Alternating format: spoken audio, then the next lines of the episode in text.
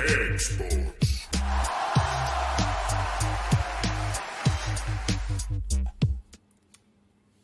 Hjertelig velkommen til eh, årets aller siste episode av Cakesports Live. Vi er direkte inne fra Cakesports sin egen C-losje. Vi hadde, For noen dager siden så hadde vi E-losje, og i fjor sommer så hadde vi VM-losje. Og neste sommer så blir det EM-losje. Så det, står, det skal ikke stå på losjene her. Og eh, med meg i dag så har jeg jo eh, Foreløpig så er jeg med meg oraklet på eh, sida her. David, du er tilbake, og dette er jo din aller siste episode. Du har valgt å eh, fære til det sørlige Norge, litt bedre klima, og eh, i hvert fall foreløpig. Men du kommer tilbake igjen. Det I hvert fall hver torsdag Absolutt. eh, skal vi eh, få til. Vi har jo et helt fantastisk studio, som dere ser. Eh, Litt bedre studio enn eh, det Eurosport kunne stille opp med når de hadde storoppgjør mellom eh, Brann og Rosenborg. Da valgte de å kjøre eh, det her studioet. Det er jo rett og slett eh, helt fantastisk. Du står på en, en parkeringsplass utenfor stadion med skilter på bilene bak der, og du ser kommer seg folk med pølse i handa. og Se på det der. Det er jo mindre enn barn som vi har her. Amatør. Se der. Ja, det, er, det er skrekkelig. Det er skrekkelig. Det der er, det der er så på budsjett så det går an. Det viser at det ikke er dyrt for fotballrettighetene til Eliteserien. Men vi sitter nå i hvert fall her, og vi håper at folket er med på Vi skal ha en slags eh, Champions League-finale spesiale. Det vi skal ha, Vi håper at dere deltar i debatten og kommer med, med meninger. Hva dere tror eh, hvordan finalen blir å gå. Hvem vinner? Hvem blir kampens store spiller? Hva blir stillinga? Hvorfor vinner Liverpool? Hvorfor vinner Tottenham? For selvfølgelig, det er jo de to lagene det står imellom i Champions League-finalen 2019. Det er Tottenham, som er hjemmelag, og Liverpool, som er bortelag. Men allikevel, som også har merka seg ganske tidlig, at hvorfor er Liverpool som har hjemmegarderobene på mektige Estadio Metropolitano, som det heter i dag? Det har skifta navn bare for i dag. Egentlig så heter stadion Wanda Metropolitano, men Hva heter det? Wanda, Anfield. Heter det Kan Du kan ikke ha sponsornavn. Ja. Wanda er kinesisk eh, advokatfirma. Det er ikke lov til å ha sponsornavn når det er Champions League-finale. For en gangs skyld så tar Uefa den. Så dette er Stadion Metropolitano. Vi er i Madrid. Hjemmestadion til Atletico Madrid. Den tar 67 000 og Ja, oraklet, vet, har du fått med deg hvorfor Liverpool har hjemmegarderobe? Det har jeg ikke, så det håper jeg du har svar på. Men jeg hørte jo kontrastene var veldig store på hjemme- og bortegarderoben. Det er Det er skammelig. bekymringsverdig. Det er det jo på alle nye stadioner. Det er jo en stor kontrast. Det skal være stort og åpent på hjemme, hjemmegarderoben. Trangt og jævlig. Og litt sånn der, eh, sånn at du gjør- blir, litt psykisk ustabil når du sitter i garderoben på borte... Selvfølgelig det skulle være sånn, men- men tenk, tenk at Tottenham fikk den garderobe. Jeg skal fortelle dere hvorfor. Eh, Det er rett og slett av sikkerhetsmessige årsaker. Eh, Liverpool-supporterne skal visst komme inn, i, inn på stadion fra sørsida, som er nærmest denne garderoben. Derfor har Liverpool fått eh, hjemmegarderoben. Og Skal Liverpool-supportere inn i garderoben? Er det det? Skal de samles i garderoben?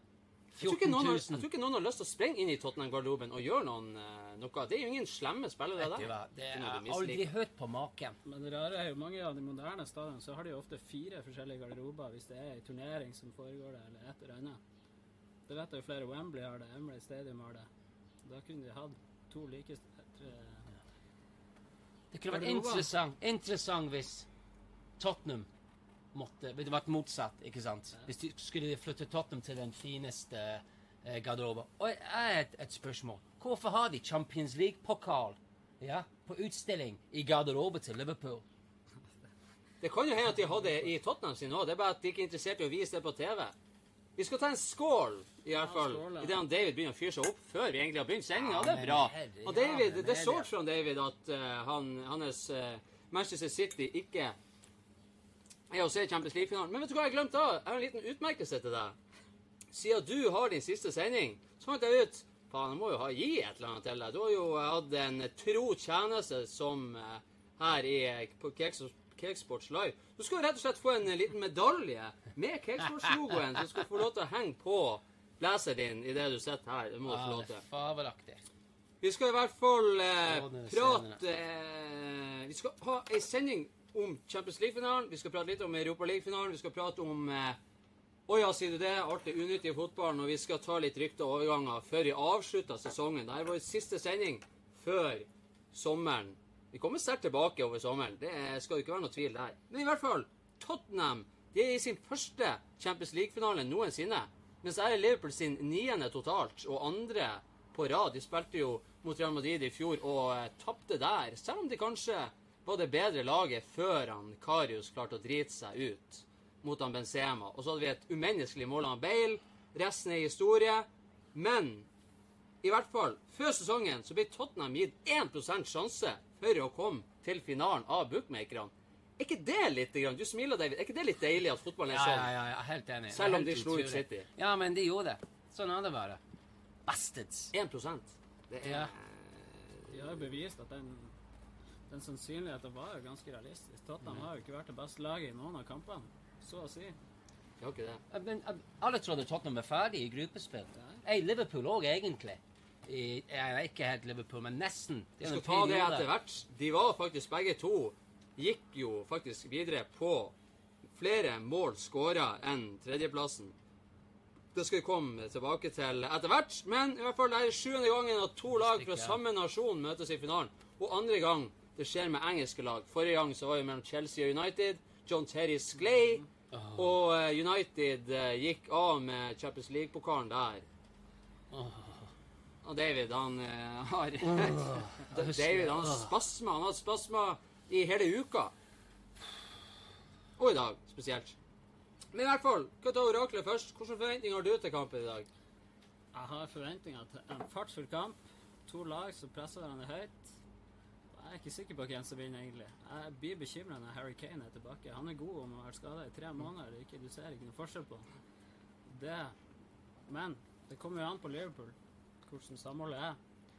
Så uh, jeg kan ikke si noe. Harry Kane er tilbake. Det er vel kun Nabi Keita som ikke er med for Liverpool, uh, mener. Firmino fikk grønt lys, så de er nå Det gjør han alltid. Ja. Han har sånn der stråling. Det er, så det er jo en tannlegestol inne i, eh, i eh, hjemmegarderoben. Og det er faktisk ikke tull. Vanligvis så tuller jeg, men det var faktisk ikke tull. De hadde to tannlegestoler. Altså hvorfor? Det er sikkert en til Klopp og en til Firmino. Men allikevel. David, hva du tror om kampen? da? Har du noen forventninger? Du er jo ikke noen fan av verken Liverpool eller Tottenham. Nei, det er jeg ikke. der. Absolutt ikke. Mm. Liverpool er jo klare favoritter. Har du noen tanker Ja. om jeg, jeg greier ikke å se hvordan Tottenham skal skåre mot denne forsvaret til Liverpool. Harry Kane skårer jo stort sett hver kamp. Nei, ikke mot van Dijk. Og så tenker jo jeg, Hver kamp lever jo sitt eget liv, og spesielt en finale sånn som det her. Jeg husker personlig, jeg husker nesten ingen finale jeg har sett i mitt liv av eh, både eh, si, kullsyre, kullsyreholdige eh, grunner og av eh, litt mer sånn her Blir så pumpa. Jeg husker Ja. ikke finalene. Nei, helt, ja.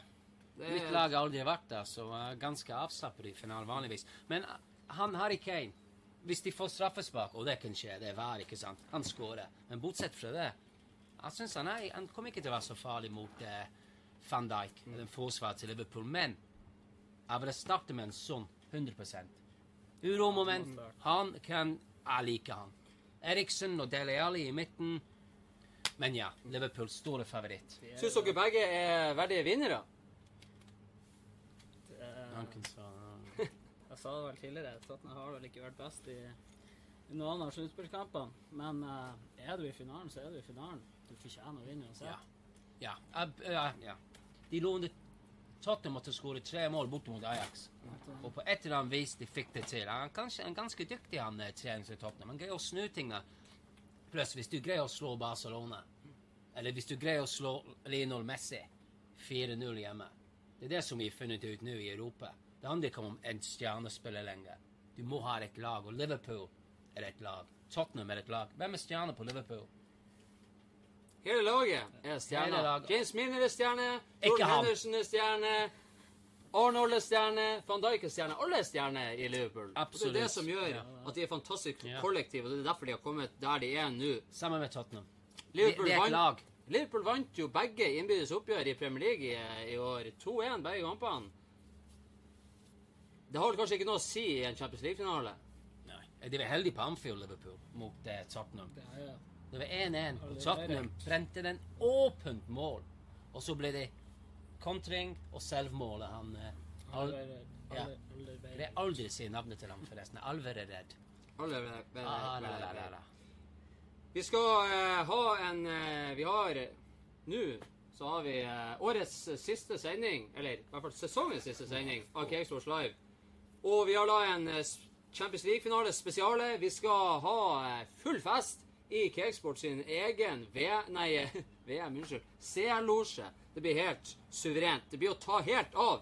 Men før vi snakker litt videre om Champions League-finalen, så skal vi snakke om storoppgjøret som er senere i dag mellom Nardo og Kvikk Halden. Nei, vi skal selvfølgelig ikke det. Vi skal eh, prate om Europaligafinalen 2019. Kjapt innom der. Den ble spilt på onsdag. Den så vi også her. Da var det EL-losje. Det var jo eh, en eh, kamp som endte 4-1 til Chelsea. Knuste Arsenal og sendte deres Champions League-drømmer rett åt skogen. Eh, David, eh, hva har du eh, om den kampen der? Ja, de gjorde en, eh, en ting som eh, Man City har gjort i år. De vant en kamp i 15 minutter. Ja. Enten ja, begynnelse av andre omgang. Pang, pang, pang. Takk for oss. Meget effektivt. Og tenk det var han òg, Giroud. Jeg tenkte på det når han skåret. Faen, ikke han, men han gjorde det. Fint mål òg. Veldig fint mål, og det er litt på Giroud-måten, egentlig. Han skåra jo der eh, ingen andre klarer å skåre. Han har en sånn ferdighet der. Ganske utrolig. Per, eh, Orakel Orakel Per, som han eh, heter for oss her i. Veldig. Hvordan eh, Du var ganske sur under kampen. Ja, er det rart? Nei, eh, Arsenal, når de kommer under, så er nesten kampen tapt. Samtidig så, når et lag tar ledelsen, ledelsen i en finale, så er det som regel gjort. Og Arsenal, de klarte aldri å løfte seg. De, eh, det var ikke noe samhold. De var, de var ikke et lag. Det beste var- lag første omgang. Det var det jo. Ja. Der så det så stjerner som ikke var et lag. Selv om det ikke er så mye stjerner. Mhm. Det var jo nesten mer eh, spenning knytta opp mot eh, hvordan denne kampen kom til å bli gjennomført, enn selve kampen. Det har vært veldig mye bråk om Baku som eh, fikk lov til å ha denne kampen her. Det var jo faen meg i Australia, nesten. Du så jo når du hadde grafikk fra London. Begge skulle fly til Baku. Det var jo faen meg lengre enn Australia. Det var jo langt ute i Stillehavet. Og der fikk de lov til å spille den kampen. Men Mkhitaryan fikk ikke lov til å være med, for han var fra Og tenk hvor viktig han kunne vært for Arsenal. Vi snakket tidlig om den eh, midtbanespiller som kan skåre mål og er farlig, som en Ramsey, som Arsenal mangler i den kampen. Det var vakter rundt stadion som stoppa Arsenal-supportere med drakter på seg, hvor de ikke kunne se hvilke spillere de hadde på ryggen, og stoppa dem hvis de hadde Mkhitaryan-drakt, fordi at det kunne bli bråk. Og da sier jeg igjen, er det så viktig å drepe han? Er det så viktig? Det forstår jeg ikke. Nei, nei. Men I hvert fall, det var eh, ingen som hadde tenkt å møte opp. Det var dyre billetter, og det var langt unna. Og britisk media har i ettertid eh, kommet eh, med en eh, De har meldt at aserbajdsjanske ledere åpna inngangene ut i første omgang, sånn at hvem som helst kunne komme inn på stadion fordi at det var så mange tomme seter. Den avgjørelsen var ikke Uefa enig i, eller de hadde ikke deltatt i eh, den avgjørelsen der. Men det sier jo litt, da. Det er en finale, og så ser det sånn her ut. Det er jo selvfølgelig under oppvarminga, men vi ser jo at det er jo langt ifra at uh, det er fullt. Og så så vi under kampen òg at det var ganske mye tomme seter. Men og du ser jo omgang. bak mål! Det er jo, Ikke det er jo omgang, 60 meter fra målet. Og til, Ja. Tenk på de som satt på første rad bak målet. Du ser jo ingenting! Men folk sa det jo, de som var på, var på kampen. De føltes ut som de var i eh, Singapore på en treningskamp. Stemninga utfor alt. Kom inn på stadion. Det føltes ut som det var 20. juli. Helt enig. Det er to engelsklag som pleier å spille med en, Premier League-måte å spille. Høy intensitet og 100% Men plutselig, som du sa, du er bort, langt, langt borte. Det er ingen tilskuere. Du får en sånn kanskje en treningskampfølelse. Du spiller på en litt lavere nivå, ikke sant? Eller et sånn eh, lavere tempo. Ja, jeg skjønner det godt. Det var helt forferdelig de spilte kampen der. To engelsk lag skulle spille spilte en final på Wembley. To London-lag fullt med engelskmenn, og ikke bare engelskmenn, men Arsenal og Tottenham-supportere. Og noen få um, kapret pengefolk som er der. Men å spille en der i eh, et land som greier ikke å skrive engang, det er ikke bra. Det eneste positive jeg så, det var at de kunne drikke øl inne på stadion. Det må jo ha vært plaster på såret. Ja, det var sikkert mange som drakk der. sikkert ikke smugla inn, men jeg så veldig mange som sto med glassene. Det tror jeg. De har sikkert lura det innom, så kanskje de har tatt champagnebrus. eh, Det vet man jo ikke. Ja. Men allikevel. Det beste, eller det, det vakreste med hele kampen for min del, det var det vi så i, når eh, Chelsea fikk utdelt pokalen og medaljene. For det, når man så Maurizio Sarri, manageren til Chelsea, hvordan han satte pris på å vinne det trofeet der, og få den medaljen som han Det var hans første trofé noensinne som manager. Han har vært manager i omtrent 30 år. Han har aldri, aldri vunnet noen ting. Han sto og beundra denne medaljen som han fikk eh, på en eh, Det samme som jeg gjør her. Det er sånn som David gjør. Han har fått utmerkelsen eh, Årets Keg eh, her i Kegsports. Eh, takk for alt for denne gang. Eh, han David takker for seg. Men vi ser i hvert fall her bildet. Han Sarri Alle er jo glade med pokal, men han så beundra for seg sjøl den medaljen som han fikk. Vanligvis så kaster man den opp på tribunen, og noen de bare bryr seg ikke i det hele tatt. Han sto med tårer i øynene og gnidde på den som at det var en sånn ånd inni lampa der. Og det er fantastisk nydelig å se at det er sånn i fotballen fremdeles. Han vant ikke med Hellas Verona, ikke med Perugio, nei, Perugia, Grossetto, Alessandria, Sorrento, Empoli eller Napoli. Og det hørtes ut som jeg Det høres du kan hørtes ut som jeg hørtes ut som jeg presenterte en sånn italiensk meny Ja. et eller annet slag. Ja. Noe pastaretter, men det var det ikke. Det eneste han har vunnet før, det er I 2003 så vant han cupen, italienske cupen, i fjerdedivisjon. Okay. Det er det eneste han har vunnet før. Så når han nå vinner Europa League, og han setter så pris på det der Og han dedikerte faktisk denne prisen når han ble intervjua, til Napoli-supporterne. For at han syntes så synd i dem at ikke han klarte å bringe dem noen trofeer i løpet av sin tid. Det er ganske vakkert. Det tar vi en skål for. Ja, det tar vi. Det er nydelig. Tar vi en skål for den nye Juventus-treneren òg?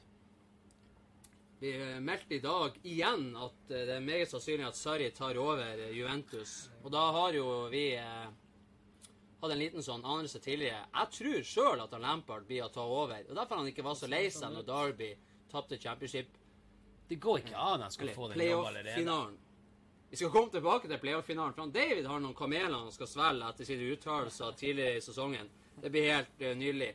Pedro Rodriguez han skåra i finalen. Han ble den første spilleren i historien til å vinne alle de fem største trofeene i fotballen. Eneste ikke spilleren noensinne han har vunnet VM, EM, Champions League, Europa League og VM for klubblag. Det er ingen som har gjort tidligere. Er han da undervurdert, eller er det litt tilfeldig? Han har gode medspillere, han vært i gode lag. Han er heldig. Han er en veldig, veldig heldig gutt. Han blir litt sånn som han, eh, han Jisung Park. Han skårer når han må skåre. Han er god i de kampene. Han får spille de viktige kampene. Hvor spilte han? Han på venstre Nei. Han spilte vel høyre kant. Høyrekant. Høyrekant, ja. Ja, ja, høyrekant, ja. Jeg syns han han ikke er god heller. Han minner meg om han Jesus Navas som City hadde. Han var fantastisk i Barcelona, syns jeg. Jeg syns Men- han er en periodespiller. Periode, Ja, han. Hodet ned og løper, løper, løper. løper, løper. Ja. Plutselig er han på tribunen.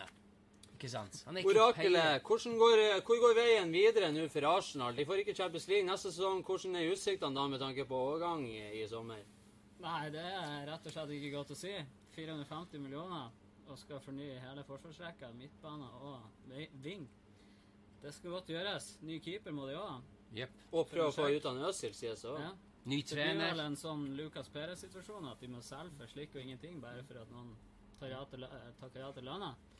Så New manager. ny manager. Det er noen som påpeker, det er noen som påpeker at hadde det her vært han Wenger Hadde det vært han Wenger som tapte denne finalen og endte eh, Premier League-sesongen sånn som Arsenal gjorde, så hadde alle ropt Wenger ut med han. Yeah. Hvorfor, det er ikke helt der med han Emery. Ja, Er det Emery, har De jo kan skylda ikke. nå. Han har jo laget og svikta de seks siste ukene. Det er ikke bare spillerne. Han har jo ikke funnet trykka på de rette knappene. Altså, De har vært til det eneste kampen de siste to månedene. en, ting, en ting er jo finalen. En annen ting er jo faktisk måten de avslutta Premier League-sesongen på. De kunne jo faktisk med litt grann mer eh, klokhet, Champions så hadde de faktisk ikke bare blitt nummer fire, de hadde blitt nummer tre. Jepp. Men hvem tapte de mot? Det Burnley, Crystal Palace, Burnley, Leicester Leicester og Brighton- så de Burnley. Bright. Det Brighton på er helt utrolig hva de holdt på med der. De bare fokuserer på Europa League, men eh, Det er noe feil der nå. Jeg bare håper at Arsenal har masse unge, fabelaktige spillere. Kanskje dere må satse på det. De bør nok gjøre det. De hadde jo det en gang i tida, men de har det ikke nå lenger, egentlig. Men eh, i dag så kom jo også nyheten tragisk nok, selv om vi ikke skal Vi skal fyre opp stemninga her, men eh, gamle Arsenal-spiller Jose Antonio Reyes gikk bort. Han døde i bilulykke eh, på tragisk vis. Det, det kom ganske for ikke så lenge siden, den nyheten, men det har i hvert fall skjedd. Kondolerer til familie og alle som var glad i han. Han avgjorde jo eh, en gang i tida si for Real Madrid på hjemmebane i siste runde. Skåra han to avgjørende mål som gjorde at eh, Real Madrid vant La Liga. Så eh, det er jo en ting å ta med seg for de som ikke kanskje husker han. Vi er ferdig med Europa League. Vi skal selvfølgelig fyre opp stemninga enda mer. Det er jo Champions League-finale i dag. Det er helt fantastisk. Det er julaften ganger ti. Det er Liverpool og det er Tottenham som møtes i Madrid på Estadio Metropolitano. Da skal vi ta eh, en liten, eh, kort eh, reklamepause. He was. One run.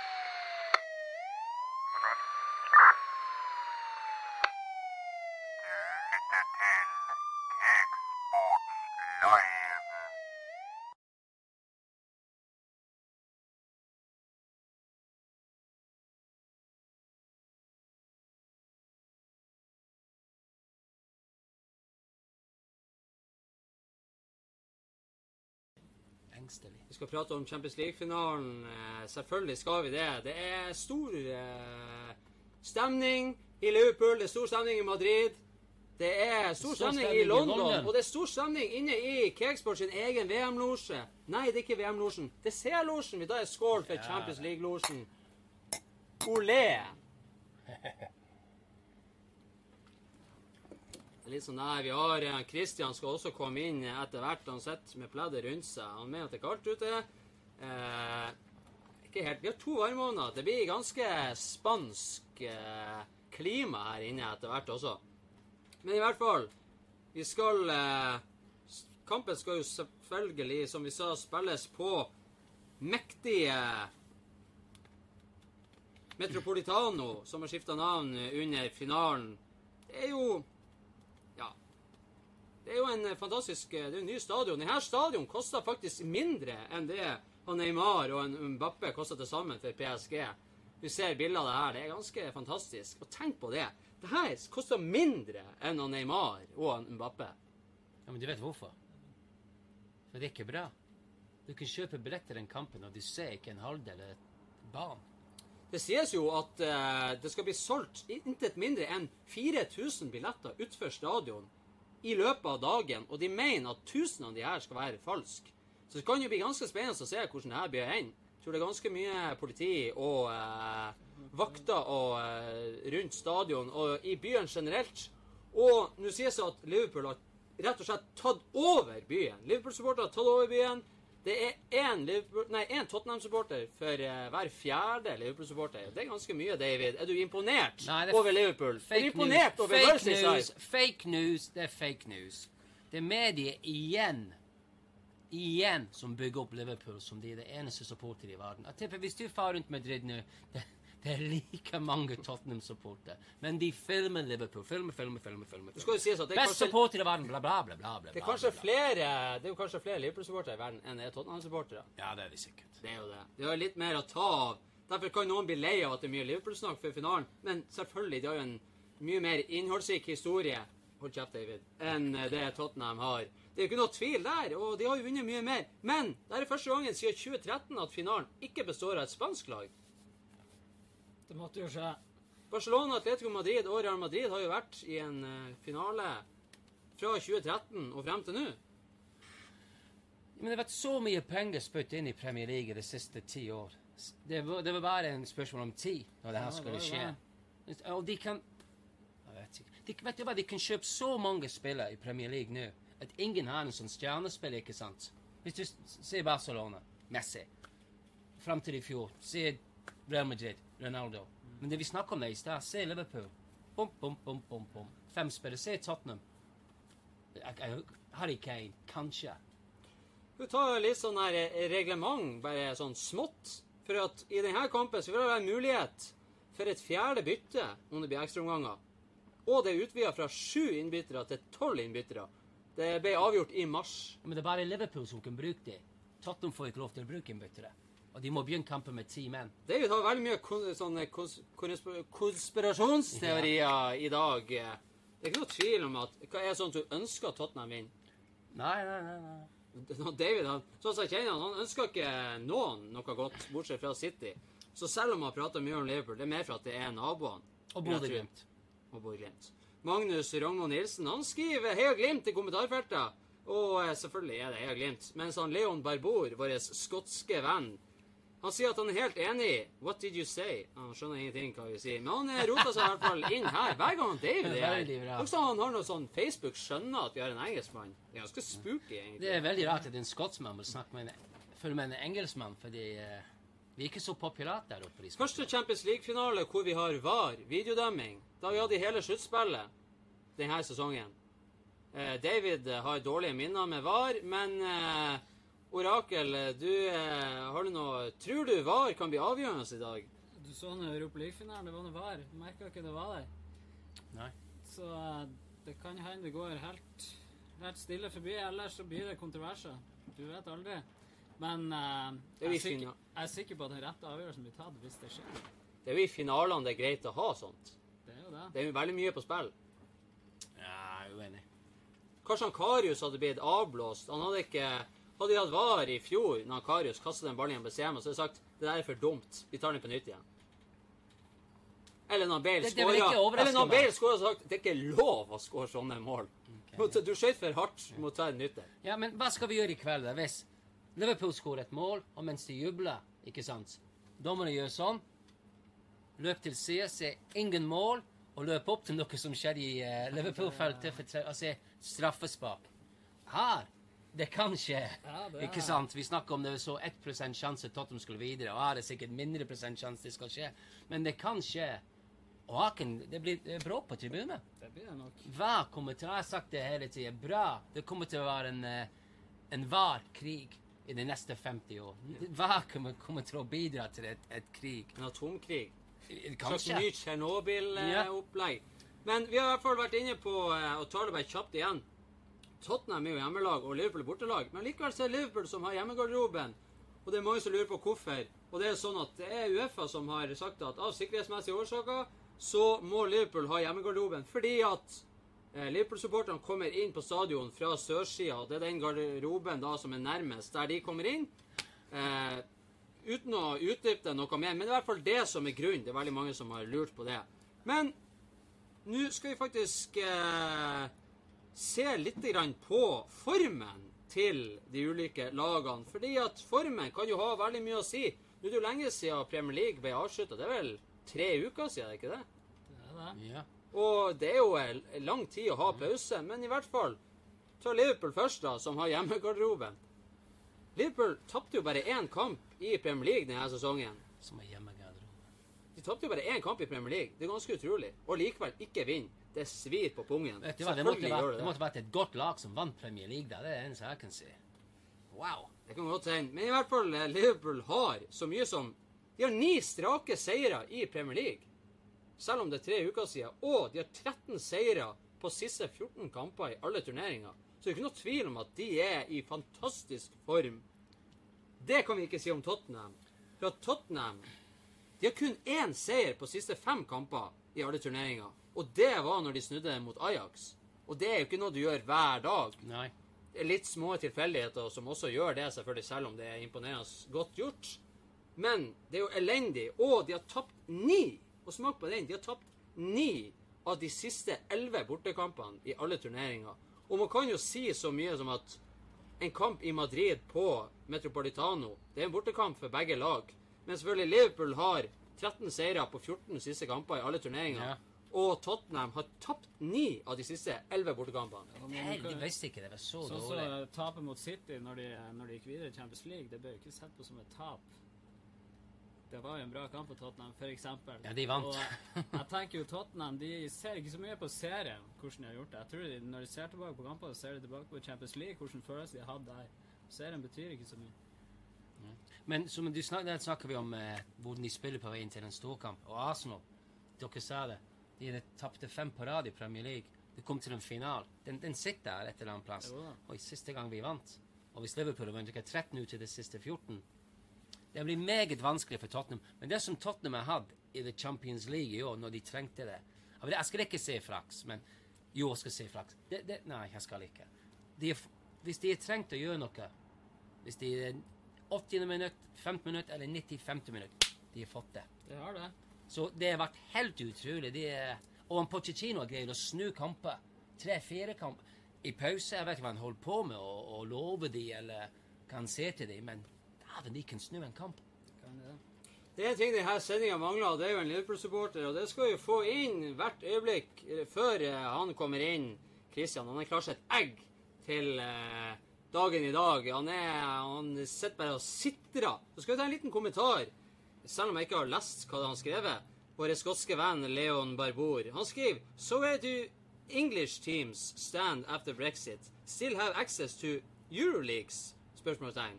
Yep, I am useless with football. Probably because I have no idea what you're saying. Ha-ha. This is the only football channel I watch. Og eh, hvordan du eh, noen gang har klart å rote opp her, det vil vi alle forstå, men det er godt å ha deg her, Leon Barbour. Kan vi ikke invitere han i dag til kampen? Vi tar en skål for han, og da skal vi eh, ta eh, noen eh, tar vi bare på over her og prater litt imens eh, vi bytter gjester. Skal få inn eh, Oraklet skal ut, og eh, vår ærverdige Liverpool-venn Kanskje den største Liverpool-sporten som er å finne i Bodø by. Han skal inn her. Han er klar. Med, han har eh, gjærvann i glasset. Han, eh, han smiler. Jeg ser, han ser ikke nervøs ut engang. Hjertelig velkommen inn, Kristian. Hjertelig. Eh, Hei, Kristian. Fantastisk å ha deg her igjen. Du er jo fast invitar. eh. Og vi ser at folk sitter og ser på. Det, vi håper dere er fornøyd med vår Champions League-finalesending. Vi har siste sending i vår Cakesports Live-sesong også. Kanskje vi kommer med noen eh, artigheter over sommeren. Vi får se hva vi finner på. Men i hvert fall, vi skal avslutte med et brak, og det gjør vi her. I Sports sin egen Champions League-losje. Vi har et eget telt som vi har fyra opp stemninga. Og det kommer folk, og det blir olé, og det blir wiener, og det blir øl. Nei, jeg mente gjærvann, og det blir eh, hva som helst. Vi kan se litt på gruppespillet, da. Og det er ganske interessant, hvis man ser på gruppespillet. Tottenham de hadde Barcelona, Inter Milan og PSV. Og Barcelona gikk jo eh, oppskriftsmessig seirende ut av den gruppa. Men Tottenham og Inter Milan de endte begge på åtte poeng og minus én i målforskjell. Det som gjorde at Tottenham gikk videre der, var rett og slett at de hadde flere skåra mål. Så det er jo ikke mye om å gjøre. Margine, vet du. Margine, vi snakker om det hele sesongen i Premier League. Margine, Du må, du må ha de på din Ja, side. hvis du må ha de. Komme langt. Sånn er det bare. Og så er det jo faktisk eh, likens for Liverpool sin del. Husker du det, Christian? Det er veldig vanskelig å huske tall og sånn. Husker det veldig godt.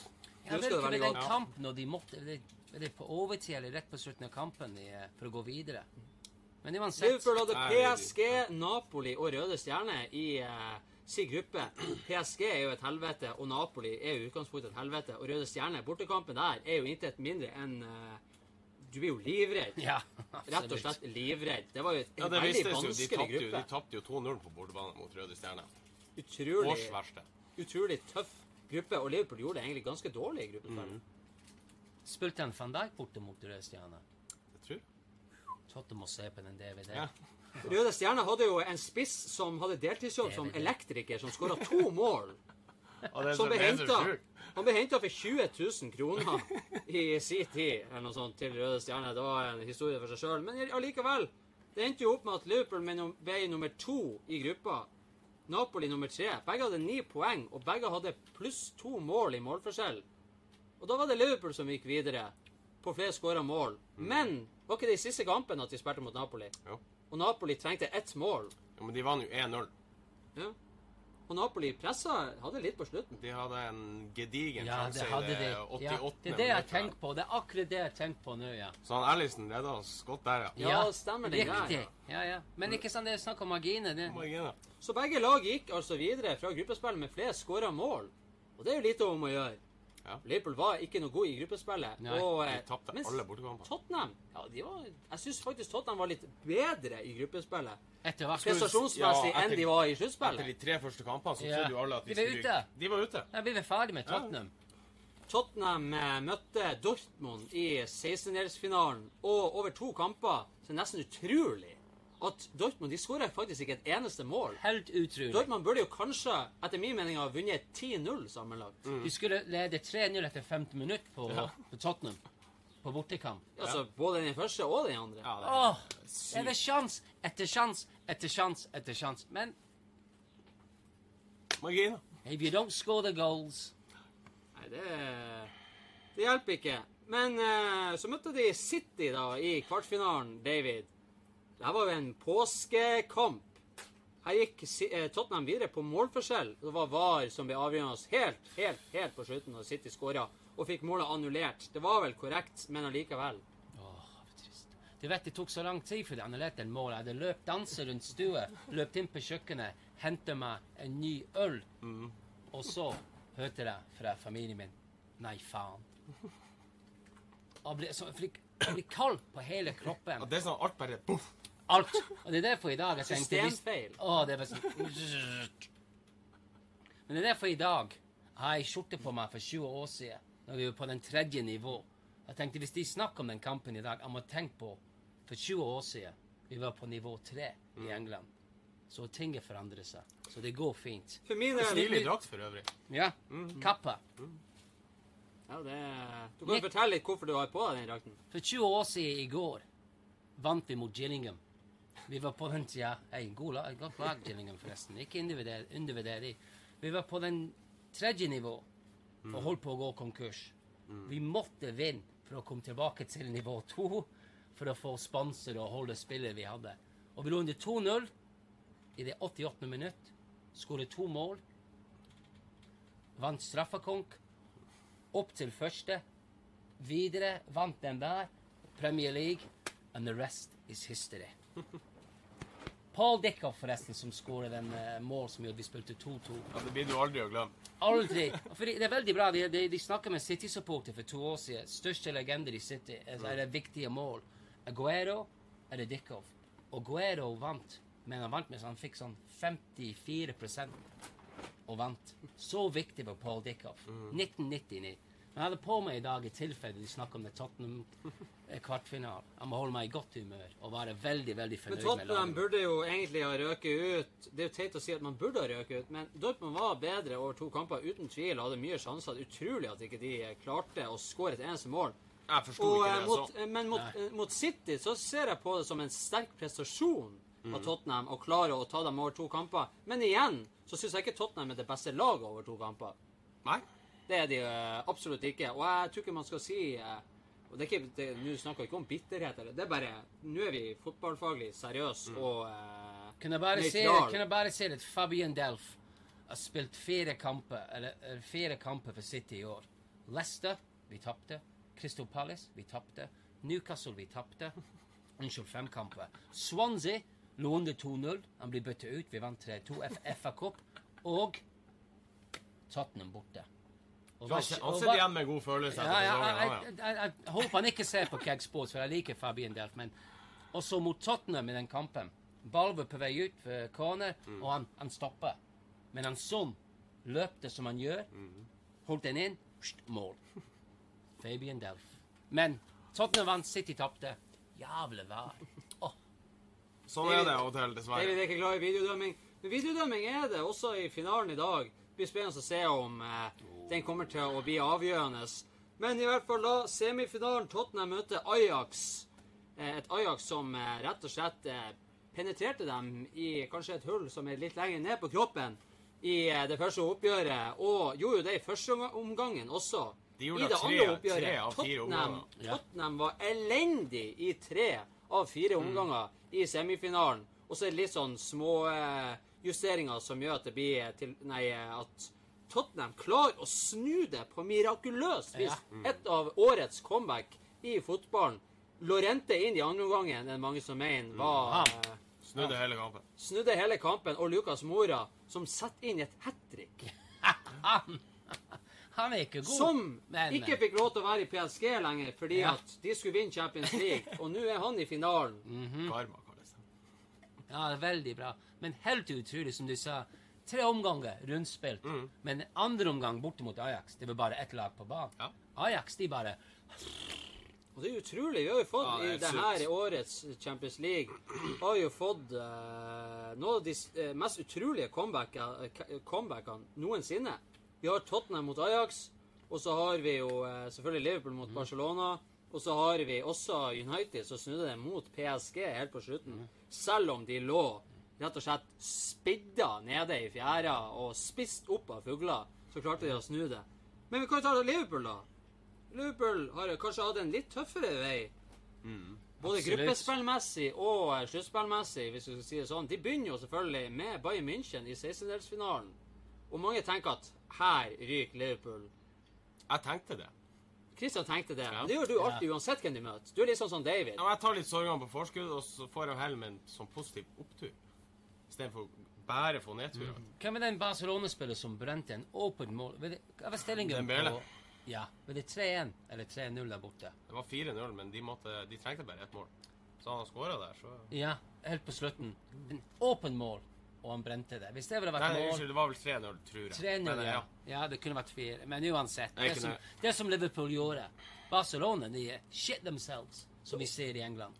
Det overraska meg veldig mot Bayern München da Liverpool eh, var over to kamper ganske overlegent og Ja. eh, egentlig veldig sånn komfortabelt det beste laget. Det var det som overraska meg litt. Uten å Bayern ta, skapte minimalt med Uten å ta det ifra Liverpool, men Bayern München har jo, hvis du går bare noen sesonger tilbake igjen, så var de kanskje eh, det verste laget du kunne møte i uh, sluttspillet av Champions League. Ja. De var helt jævlig å møte. Nå er de inne i et slags generasjonsskifte, sånn som flere lag, eh, og de store lagene i Europa er, og hadde egentlig en, en eh, mindre god sesong, selv om de vant Bundesligaen, og selv om de vant hjemlig cup Yeah. så har de ikke vært så jævlig gode spillemessig. Men Liverpool var veldig komfortabel. De var aldri stressa mot Bayern Nei, det var ikke det. Det var fenomenalt å se på. Ja, det Det var bortebanen. bortebane. De Ja. skulle, ja, de skulle skåre fem-seks. Men jeg mener det er ikke en gener eh, generasjonsskifte. Jeg mener det vi snakket om tidligere. Den penger som har vært inne i Premier League nå i 10-15 år. Nå ser vi hva som skjer. Ja, Jeg tipper de er bekymret i La Liga. De er bekym- Bundesliga er bekymret. De kjøper eh, alle unge engelskmenn. Ikke sant? De som vil ikke være tålmodige og vente, jeg skjønner det godt. Bundesliga, de kjøper inn. De er skjønte. Eh, men eh, og, og La Liga nå, ikke? Hva skal de gjøre? Du skal si at Bayern, selv om de, de har ikke akkurat et dårlig lag Nei, de er gode i, i, i Bundesliga, men Men jeg trodde Bayern. München kunne slå det Arsenal. Chelsea. Men det viser jo Bayern München har, har eh, på papiret veldig mange gode spillere, men de er ikke noe godt kollektiv. Nei. Liverpool har veldig mye det man kaller for i utgangspunktet mindre gode spillere, Mm. men har blitt gode og store fotballspillere fordi at de blir satt i et bra kollektiv. Yeah. Så det er system. utrolig. Og det, jeg syns det er så deilig Ja, at du kan deilig. gjøre sånn i fotball. Ja, ja. Det er ikke sånn at det er kun pengene som rår. Hvem faen tror jeg Henderson og Milner og Veinaldum skulle være i to Champions League-finaler på rad? Ja, jeg vet ikke. Jeg er helt enig. hvem hadde trodd det? Ja, men, men en andre, jeg syns en annen grunn til hvorfor det har skjedd England, eller Premier League har masse penger nå i 10-15 år. Penger, penger, penger. Vi kjøper inn spiller, spiller, spiller. Så plutselig tenkte de faen, vi fremdeles har vunnet Champions League én gang i de siste ti år. Hvor- Vet du hva? Vi skal ikke hente de beste spillere i verden. Vi skal hente de beste trenere i verden. Ja. Og det har Premier League gjort. Og de Ja. kom inn, Klopp, Guardiola, Pochettino, de første tre jeg tenkte på. De kom inn med nye ideer. OK, vi har de beste spillerne, og vi kan kjøpe så mange. Vi kan snakke om kollektiv. Ikke Messi, ikke Ronaldo, ikke stjernespiller. Og de kommer med nye ideer. ikke sant? Og de engelske spillere, de nye utenlandsspillere de får, de skal høre på Klopp. De skal Ja. høre på Guardiola. De skal høre på Chino, fordi Det er jo trenere er som har gjort det. Har de trener som Men du ser. De Det, er det er jo ikke det beste Det er jo ikke de beste fotballspillerne som spiller finalen i dag. Det er det Nei, nei. Det er det beste Ja. lag. Jeg Og det er en ting som er veldig fint med Champions League-finalen i år, er jo at det er to lag som har eh, på en måte Så kaller det for det de som liker å si at man går i null økonomisk, og at man, eh, at man eh, er et kollektiv. Et bra kollektiv, og ikke én stjernespiller som gjør alt. Det er den fine tingen. Og det kan gjøre at det blir ganske interessant. Og begge kampene i Premier League endte 2-1 til Liverpool, så det er ikke mye om å gjøre. Så kanskje blir VAR avgjørende, kanskje skjer noe annet. Men Det blir en kamp. Men da at eh, Premier Så League det henter kan ikke være. Det blir VAR. at Premier. League henter managere og gir dem helt sykt god, eh, god lønn, er jo også pga. de investeringene som gjøres. Ja, Liverpool går i null, men likevel så investerer de jo en milliard eller to i spillere, selv om du går i null. City også. Inntekt. Invester Inntekt. milliarder i spillere. Da er det jo kanskje sånn at du er nødt til å hente den beste manageren som kan bygge opp et lag, og gi han noen Ja. hundre millioner i lønn. Fordi at hvis du ikke gjør det, så kan pengene gå så jævlig til ingenting. Absolutt. Og du vet også, hvis du skal ha en, en trener utenlandsk som skal bo i Manchester i pissregn, eller Liverpool i pissregn og vind Du må betale dem godt med lønn. De må være nesten Hvis det er ingen stjerner på, på banen, stjerner på benkene, ikke sant? Det var jo det når han Klopp kom. Ja. Klopp. Så var jo han den største, stjerna som var der. Han er, og Guardiola Ja. er den største stjernen. i- eh, Og Pochettino er sikkert den største. Og det er det som trenges for å snu denne Premier League for å være kvartfinale, semifinale eller tapfinale i Champions League til plutselig La Liga er bekymret. Han er leder av La Liga, han er snakker hele tida bla, bla. oh, Premier League mm. Hei, mediet har bestemt Det er sånn, det er jo sånn Spania og Real Madrid har holdt på i alle år. Nemlig. så, eh, nemlig. Han syns han skulle holdt kjeft, for akkurat nå Han møter seg holder du på å arrestere hele gjengen for kampfiksing. Eh, Kamp... eh, hva heter det på norsk? Ja, det er flere kamper i La Liga, Ja. eller i spansk fotball generelt, som eh, er under etterforskning for eh, kampfiksing og penger inn der. Det var ikke noen på de største lagene, da. Det var det ikke. Det var en Det var bare én kamp med Valencia, faktisk. ja, det var en tidligere er Real Madrid-spiller. Men vi skal, eh, vi skal prate litt om kampfiksing senere. Så kommer vi inn på det. Og Christian har noe han skulle ha sagt der. Men i alle fall, Liverpool komfortabelt videre i 16-delsfinalen mot Bayern München. Går videre og får en litt, litt enklere trekking i kvartfinalen mot Porto. Eh, Burde vel Da var du vel kanskje ikke like eh, nervøs, Kristian? Ja, da forventa jeg egentlig seier, men eh, det er en tøff bortekamp da uansett. Absolutt. Så det Du skulle jo tro det, men det ble jo ikke det. Nei. Ei, Dårlig gressmatte i Porto. Ja. Det var helt jævlig. Det var jo som å være på Åråsen. Det har vært mye regn der. Hva har skjedd der? Det har vært en eh, Ikke godt å Har de problem med, Ikke godt å si, men det, som bor i men eh, det ble gressmatte? grei skuring som forventa, egentlig. Så Ja, det er rett og slett ikke noe vits å Det er ikke vits å prate så veldig mye Nei. om det oppgjøret. Det var rett, det er ikke noe å prate om, egentlig. sånn som man skulle forvente, Ja. egentlig. Men så kom vi til semifinalen, og da er Liverpool igjen ute for kanskje den verste trekkinga du kan få. Barcelona i semifinalen. Eh, og igjen eh, sa alle at nå er dere ferdige. Det ble spilla eh, videoer av Messi før sesongen som står og prater til hele kamp nå.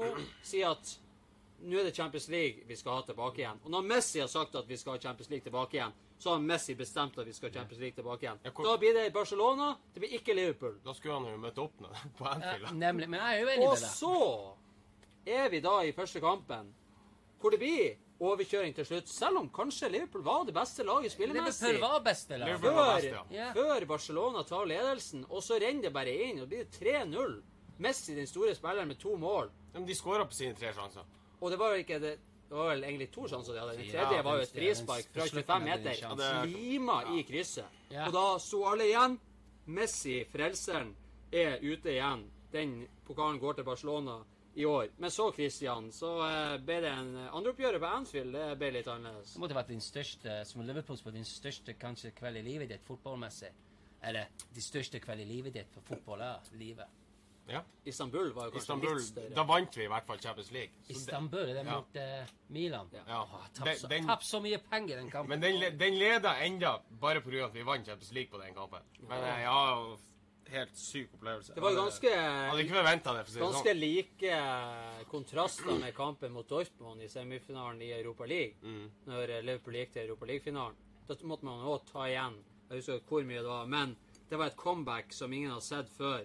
Og det her var et av de største comebackene. Selvfølgelig var det om ikke det aller største denne sesongen. Du ligger under 3-0, og så blir det 4-0 mot Barcelona. Du vinner ikke 4-0 mot Barcelona.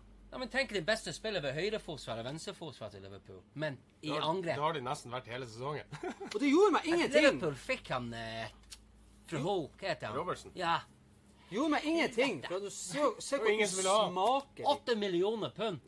Forresten. Unnskyld, Ive. Jeg vet unnskyld. Åtte millioner pund de Jeg så avbryter dere, men jeg blir så ivrig når jeg begynner å prate om Suárez og de her usmakelige drittsekker som spiller fotball. Nei, de spiller ikke fotball. De filmer fotball, og de, de ja, Det er en gjeng med drittunger, rett og slett. Ja.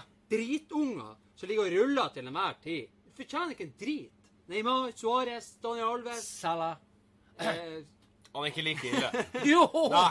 Han er helt jævlig. Jeg skulle til å si brenn lengst inni der pepperen gror, og det mener jeg seriøst. Dere er dårlige mennesker, det er dere. Men eh, en annen sånn interessant ting da, er at Champions League-finalen 2018-2019, den er, inneholder ikke mer enn ni tidligere Southampton-helter. Ser du det? Eh, vi kan se er sjukt.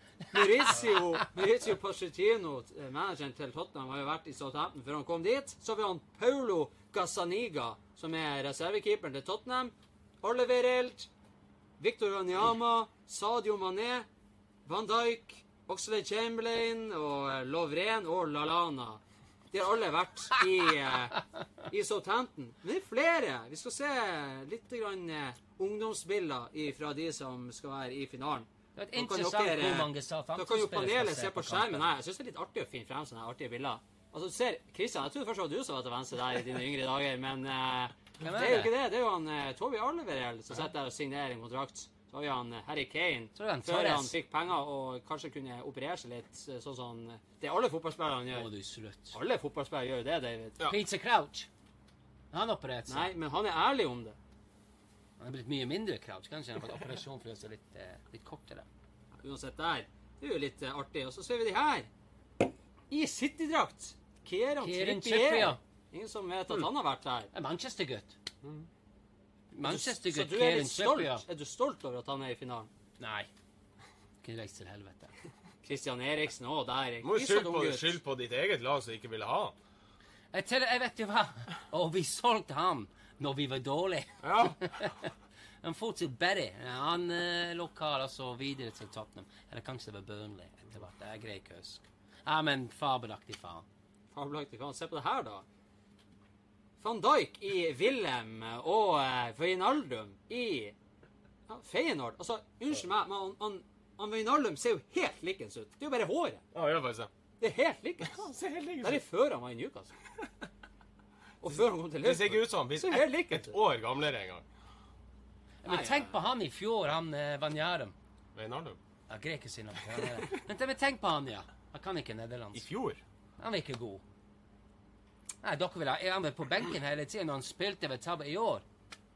Beste midtbanespiller. Han var ikke dårlig i fjor. Nei, men han var ikke den spilleren du tenkt burde vært den I Champions League i fjor var han veldig bra. Okay, Serien ikke så veldig Nei, det har jeg, jeg tenkt Ja. på i Premier League. Jeg tenkte, Ja. Når vi spilte mot ham på etter jeg tenkte han er forsvunnet. Han ser Ja. sliten ut i begynnelsen andre omgang. Men i år I han har vært helt, Wow. helt magisk. rett og slett. Ja, han er vært Men i hvert fall helt eh, Vi skal begynne oss å runde av vår prat om Champions League-finalen. For alt det resten av tørrpraten kan jo egentlig vi har satt fire ta seg Vi av. Vi, Vi har jo sending timer. Ja, det er jo tolv timers sending. Så vi håper jo at noen setter pris på oss også. Vi er litt det- mer det- bohem. Vi tar de tingene ærlig nok. Det er ikke tørrprat Nei, er ikke og sånn der eh, ja, mediepent, som det heter. Men i hvert fall, vi tar til slutt Christian, hvem vinner Champions League-finalen? Og nei, det går ikke an å jinxe det. Vi, du er ikke så, nei, er ikke så Du er ikke Gud. Du er ikke mektig nok til å klare å påvirke finalen herifra. Herifra CL-losjen til Jeg eh, tror det, det, blir en, det blir en jevn kamp. Det blir, jeg tror det er sånn 60-40 på at Liverpool vinner. Og jeg tror Liverpool vinner. Og jeg håper de vinner. Men jeg er litt, jeg er litt sånn smånervøs for Tottenham. Hva blir stillinga? Skal sies at I løpet av alle Champions League-finalene Liverpool har vært i, så har de leda med to mål i sju minutter. Og det var 77. Så jeg tror det blir en jevn kamp. Ja, kanskje 2-1 i dag òg. Jeg har vært borti en Liverpool-sporter som kom til meg og sa at han har satt penger på at Liverpool vinner 4-0. Den er kanskje litt drøy. Det kan jo skje, det vet Men ikke. altså, det var folk som satte penger på at Liverpool skulle vinne 4-0 mot Barcelona. Det skjedde nå. David, hvem som vinner? Hvorfor? Hva blir stillinga? Liverpool kommer til å vinne i beste lag. Ja, det er det jo uten tvil. Men Men det er én kamp. Alt kan skje. ja, fordi det er en kamp alt kan skje Han Alison i år, eh, du ser når han han spiller ut, ikke sant, for eh, han slår en pasning, han skal prøve å gå forbi man av og til. Ja, det, det er en del av et spill, det her. Hvis han sånn spiller, og han holder på med sånn, han kan ta ham. Jeg håper ikke han har holdt på sånn i dag. Nei, ikke sant, men du, vi vet det. Kan, jeg mener Liverpool skal vinne Champions League. Hvis han sånn holder Men- på med sånn Hvis sånn gjør det sånn, så sånn kan skje. Ikke sant? Hvem blir, hvem blir kampens store spiller? Det blir jo én som blir å uh, ha bilder av seg i avisene i morgen med overskrift hvem blir kampens store spiller? Får vi en overraskelse, eller blir det litt oppskriftsmessig? Det blir Kane eller Mané. Jeg har ombestemt meg. Det blir en helt, og det blir keeper til Tottenham. Loris. Enten er han fabelaktig eller elendig, ikke sant, Loris? Det er min erfaring å se på ham på TV. Tottenham skal vinne Så du mener Champions League-finalen, og Loris skal være banens Så du mener at han blir å være der uansett? Om de taper eller vinner, så kommer Nei, han nå til har å jeg stå frem? ombestemt meg. Tottenham skal vinne Champions League-finalen fordi han skal få uh, terningkast seks. Og han kommer til å gjøre en redning vi skal snakke om i de neste 15 år. Det håper jeg virkelig ikke. Nei, nei, nei. Jeg vet, jeg vet. Vi har eh, Champions Hva League tror? spesialsending her i Cakesport sin egen Champions League-losje. Vi har vår siste sending for denne sesongen, før sommeren. Og eh, håper dere har satt pris på oss, eh, det vi hadde å tilby denne sesongen. 41 episoder, og vi har holdt på i rundt 55 timer totalt. Det er jo ganske bra. Det er imponerende. Og ja, Kristian skal fortelle hvordan jeg tror at Champions League-finalen ender. Jeg tror også at Liverpool vinner. Jeg tror at Liverpool vinner med to mål eller mer. Jeg tør ikke å si noe stilling. Det blir ren Ja. gjetting. Da sier jeg 3-1. Kane skårer for Tottenham. Og eh, jeg tror faktisk eh, Sadio Mané blir eh, kampens store spiller. Jeg tror det det er ren Hvor god han ble i år, forresten. Hvor god han ble. Men Liverpool må håpe at Tenk hvis Liverpool leder 1-0 til pause, og Pochettino han gjør det Må du sette sånne tanker i hodet på meg? jo, jo, må, må. Hvor er gaffateipen? Jeg trenger den. For jeg er så avslappa vel ikke mitt lag, men ja, unnskyld. Og han, Pochettino gjør en Pochettino-prat i pause. Så kom Tottenham ut. Skal sies at når de spiller på Anfield, så gjorde han det i pausen. Og Ja. De tok over nesten hele kampen i andre omgang.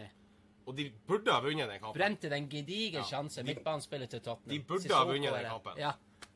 Men Liverpool Daniel er ikke med sendinga vår i dag fordi at han eh, fant ut at jeg drar like litt til Liverpool og eh, koser meg der og forhåpentligvis feirer at Liverpool vinner Champions League. Vi skulle ha et lite sånn eh, eh, live innslag med han, men eh, ryktene sier at han var ikke tilgjengelig verken fysisk eller psykisk. Så eh, vi lar være det. Men i hvert fall, vi skal gå videre i programmet. Men før vi gjør det, så skriv i kommentarfeltet det er dere som sitter og ser på. Det dere tror. Hvem vinner? Hvorfor? Hva er bestillinga, og hvem blir kampens store spiller? Hvis vi har noen som tipper rett resultat og sånn, kan hende dere får en liten premie. Kan få en liten premie. Få en bok. Å ja, sier du det? Jeg kan ikke få Verdens medalje. beste fotballbok. David har fått eh, æresmedalje. Han er i uh, Cakesports-losjen. Han er fått uh, Hva heter det? Wall of. Fame. Wall of Fame. Ja. Wall of Shame, er det som jeg heller kaller det. Han har valgt å eh, flytte ræva si til litt mer erotiske og eksotiske strøk i det sørlige Norge. Men det driter vi i, for nå skal vi si hurra og være glad for at vi skal til årets aller siste utgave av verdens beste spalte. Vi skal prate om alt det artige og usaklige fotballen har å by på i Å ja, sier du det? Å ja. Sier du det? Det hadde du ikke trodd, nei. Det er det sykeste jeg har hørt. Det er faktisk så sykt at vi har sittet her i 55 timer i løpet av året som har gått. 41 sendinger. Dere er flinke.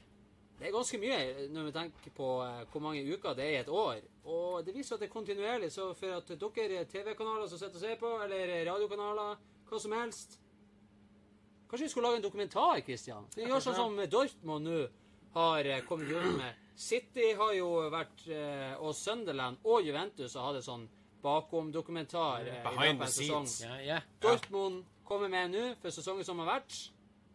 Og kanskje vi skal gjøre det til neste år. Hvem vet? Ingen dum idé, i hvert fall. Det hadde vært ganske interessant. Det er mye som rører seg, som kanskje ikke alt burde være på film, kan man jo si. Men i hvert fall, vi begynner med noe vi pratet om i begynnelsen av sendinga. Pedro Rodriguez skåra i Europa League-finalen mot Arsenal. Og Chelsea vant 4-1. Han ble den første spilleren i historien til å vinne alle de fem største trofeene i fotballen. VM, EM, Champions League, Europa League og VM for klubblag. Det er jo Ja, du må bare applaudere det. sånn. Selv om det er en usaklig spiller, egentlig. En Ja. heldig gutt. Han tror han har vært på samme tannlege som eh, Klopp og eh, Hele Liverpool har vært på En det. Firmino. Har du Ja. sett tennene til hele Liverpool? De er så hvite. Han Pedro Rodriguez han er også den femte spilleren til å score både i en Champions League-finale og en Europa League-finale. De eneste som har gjort det tidligere, det er Steven Gerrard, Hernan Crespo, Dmitrij Alenichev og Allan Simonsen. Si- Er han dansk? Svensk? Han er dansk. Dansk, ja. Det er korrekt, David. Vi går videre. Enda mer Europa League-fokus. Arsenal sin eh, høyreback, Maitland Niles, han var den eneste engelskmannen til å starte Europa League-finalen som eh, var mellom engelske Chelsea og engelske Arsenal. Er Og hvordan er da fotballen blitt? Det er en skam.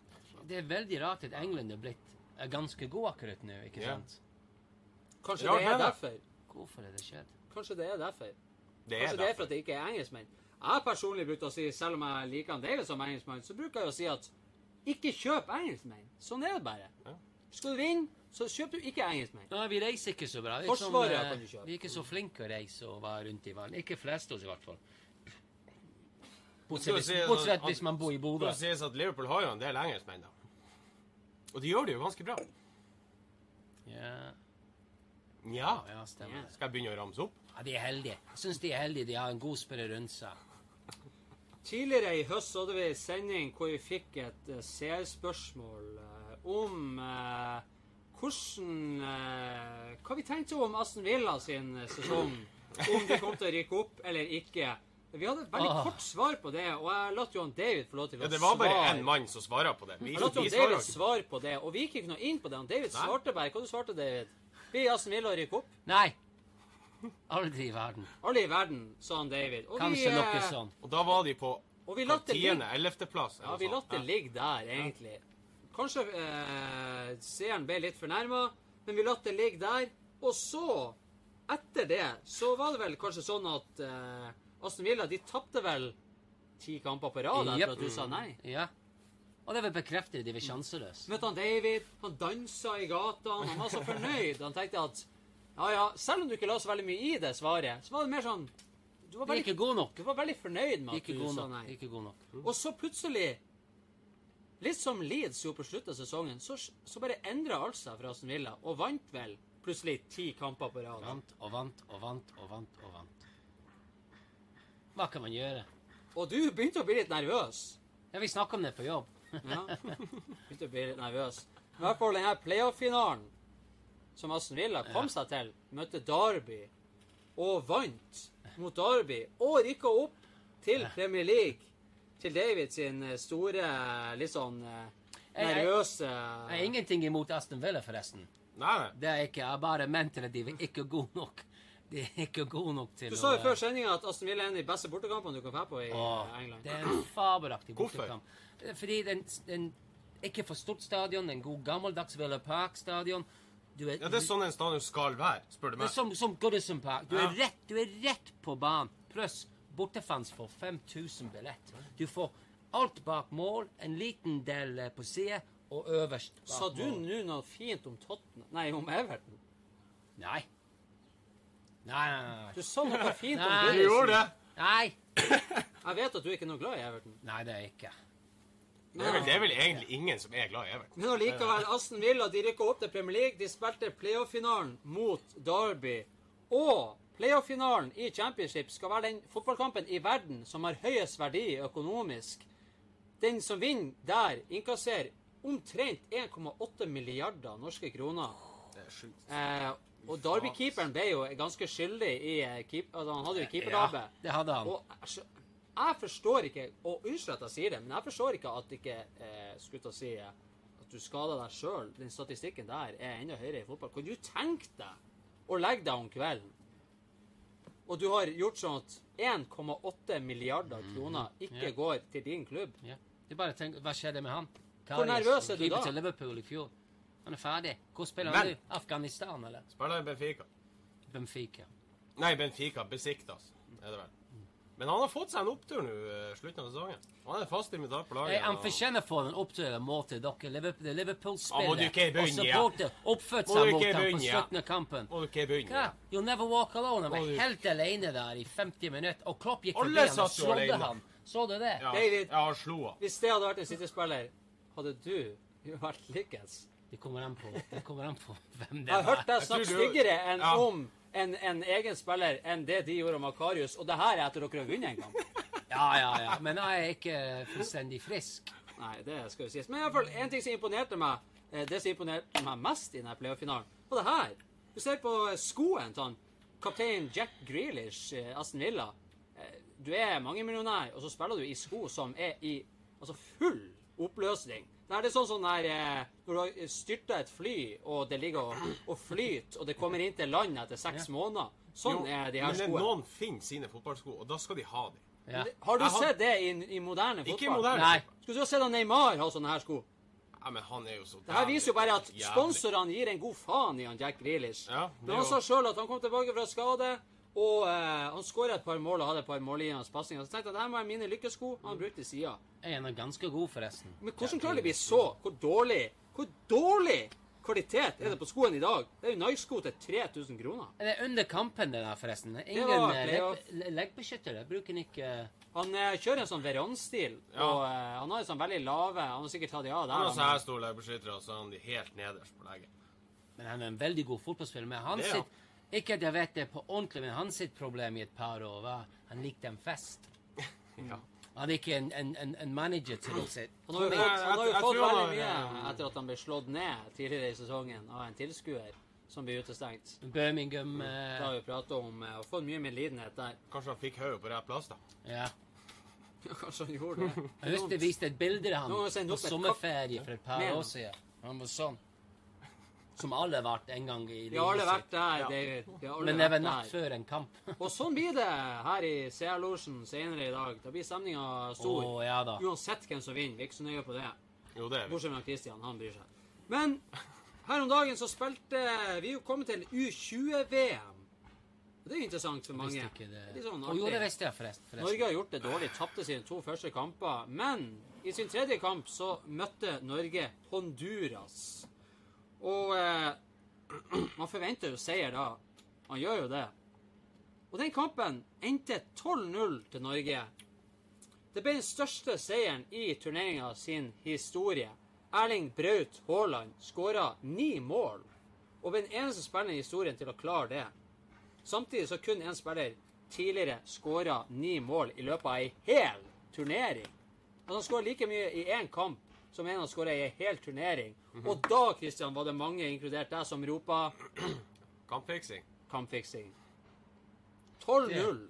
Ja, vet du hva? De hadde ni menn på banen, Honduras. Ja, de siste fem minuttene. Og var det bare de siste fem minutter? Han, Det første han røde ble kortet var jo dobbelt gult. Det var jo en mai-situasjon hvor Ja. du var Jeg var helt latterlig.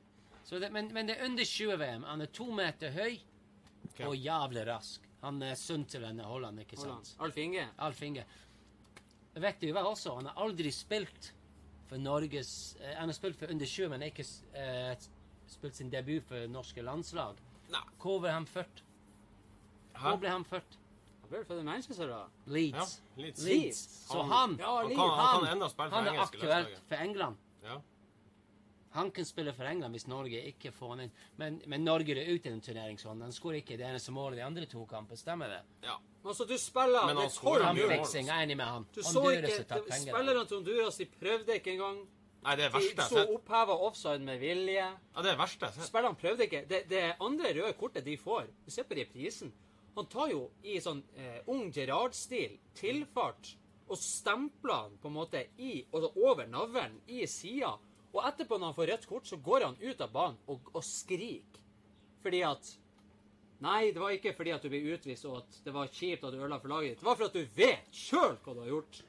Kampfiksing, yeah. mottatt penger, selvfølgelig. Precis, sånn, Du jeg ville vet, også gjort det, for jeg- du bor på stranda Ja. i Honduras som ikke har råd til Du har et, sikkert Det vet vi ikke. Nei, men det, det, jeg vet at det er bare amatørspillere på det laget der. Okay. Det er bare amatørspillere. Og de tapte hvert eneste kamp i den turneringen. Alle spillerne sto og skreik på banen mens de spilte. Det var litt sånn som når Brasil tapte mot Tyskland i eh, 2014 i VM. Og uh, Men han er to meter høy.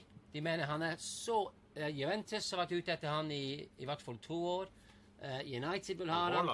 Ja, Han er i Salzburg i Ja. Østerrike nå. Og sitter på benken. ja, ja, men han er bare hvor gammel? 18 år. Ja. Og de trenger å selge ingen. Det er nok penger. Jeg har et lite bildebevis hvor eh, det viser at han eh, Haaland skåra ni mål. Det er jo ganske sykt hvordan det føles. Jeg har jo skåra ni mål en gang når jeg spiller Men det må, jo, det må jo være med en bismak, da. Altså, det, alle, Nei, alle, alle som så Ni den mål er ni mål. Jo, men alle som så den kampen, der skjønner at det her, noe er, det er ikke som det skal. Hatt med beviser her for ni mål. Ja, okay, så er det noen som har lagt ut et bilde hva de mener eh, veien videre for Honduras-spillerne var etter kampen. Legg ned hele at landslaget. Eh, veien til Honduras-spillerne gikk fra stadion og rett opp til nærmeste minibank, sånn som vi ser kartet kart eh, som vises her. Og noen mener at det var, eh, det var deres utvei derifra. Det var sikkert ikke mye penger heller. Det trenger ikke å være så mye. 12-0 når Fifa bekrefter at eh, denne kampen kommer til å bli etterforska for Men du så jo sånn, Ja, men bare- sånn, sånn Ja, men da Tyskland slo Brasil, hva var 7-1? Ja. Altså, det kan skje at du slipper Mhm. inn mye mål. Det kan jo skje. Men ikke på den måten der.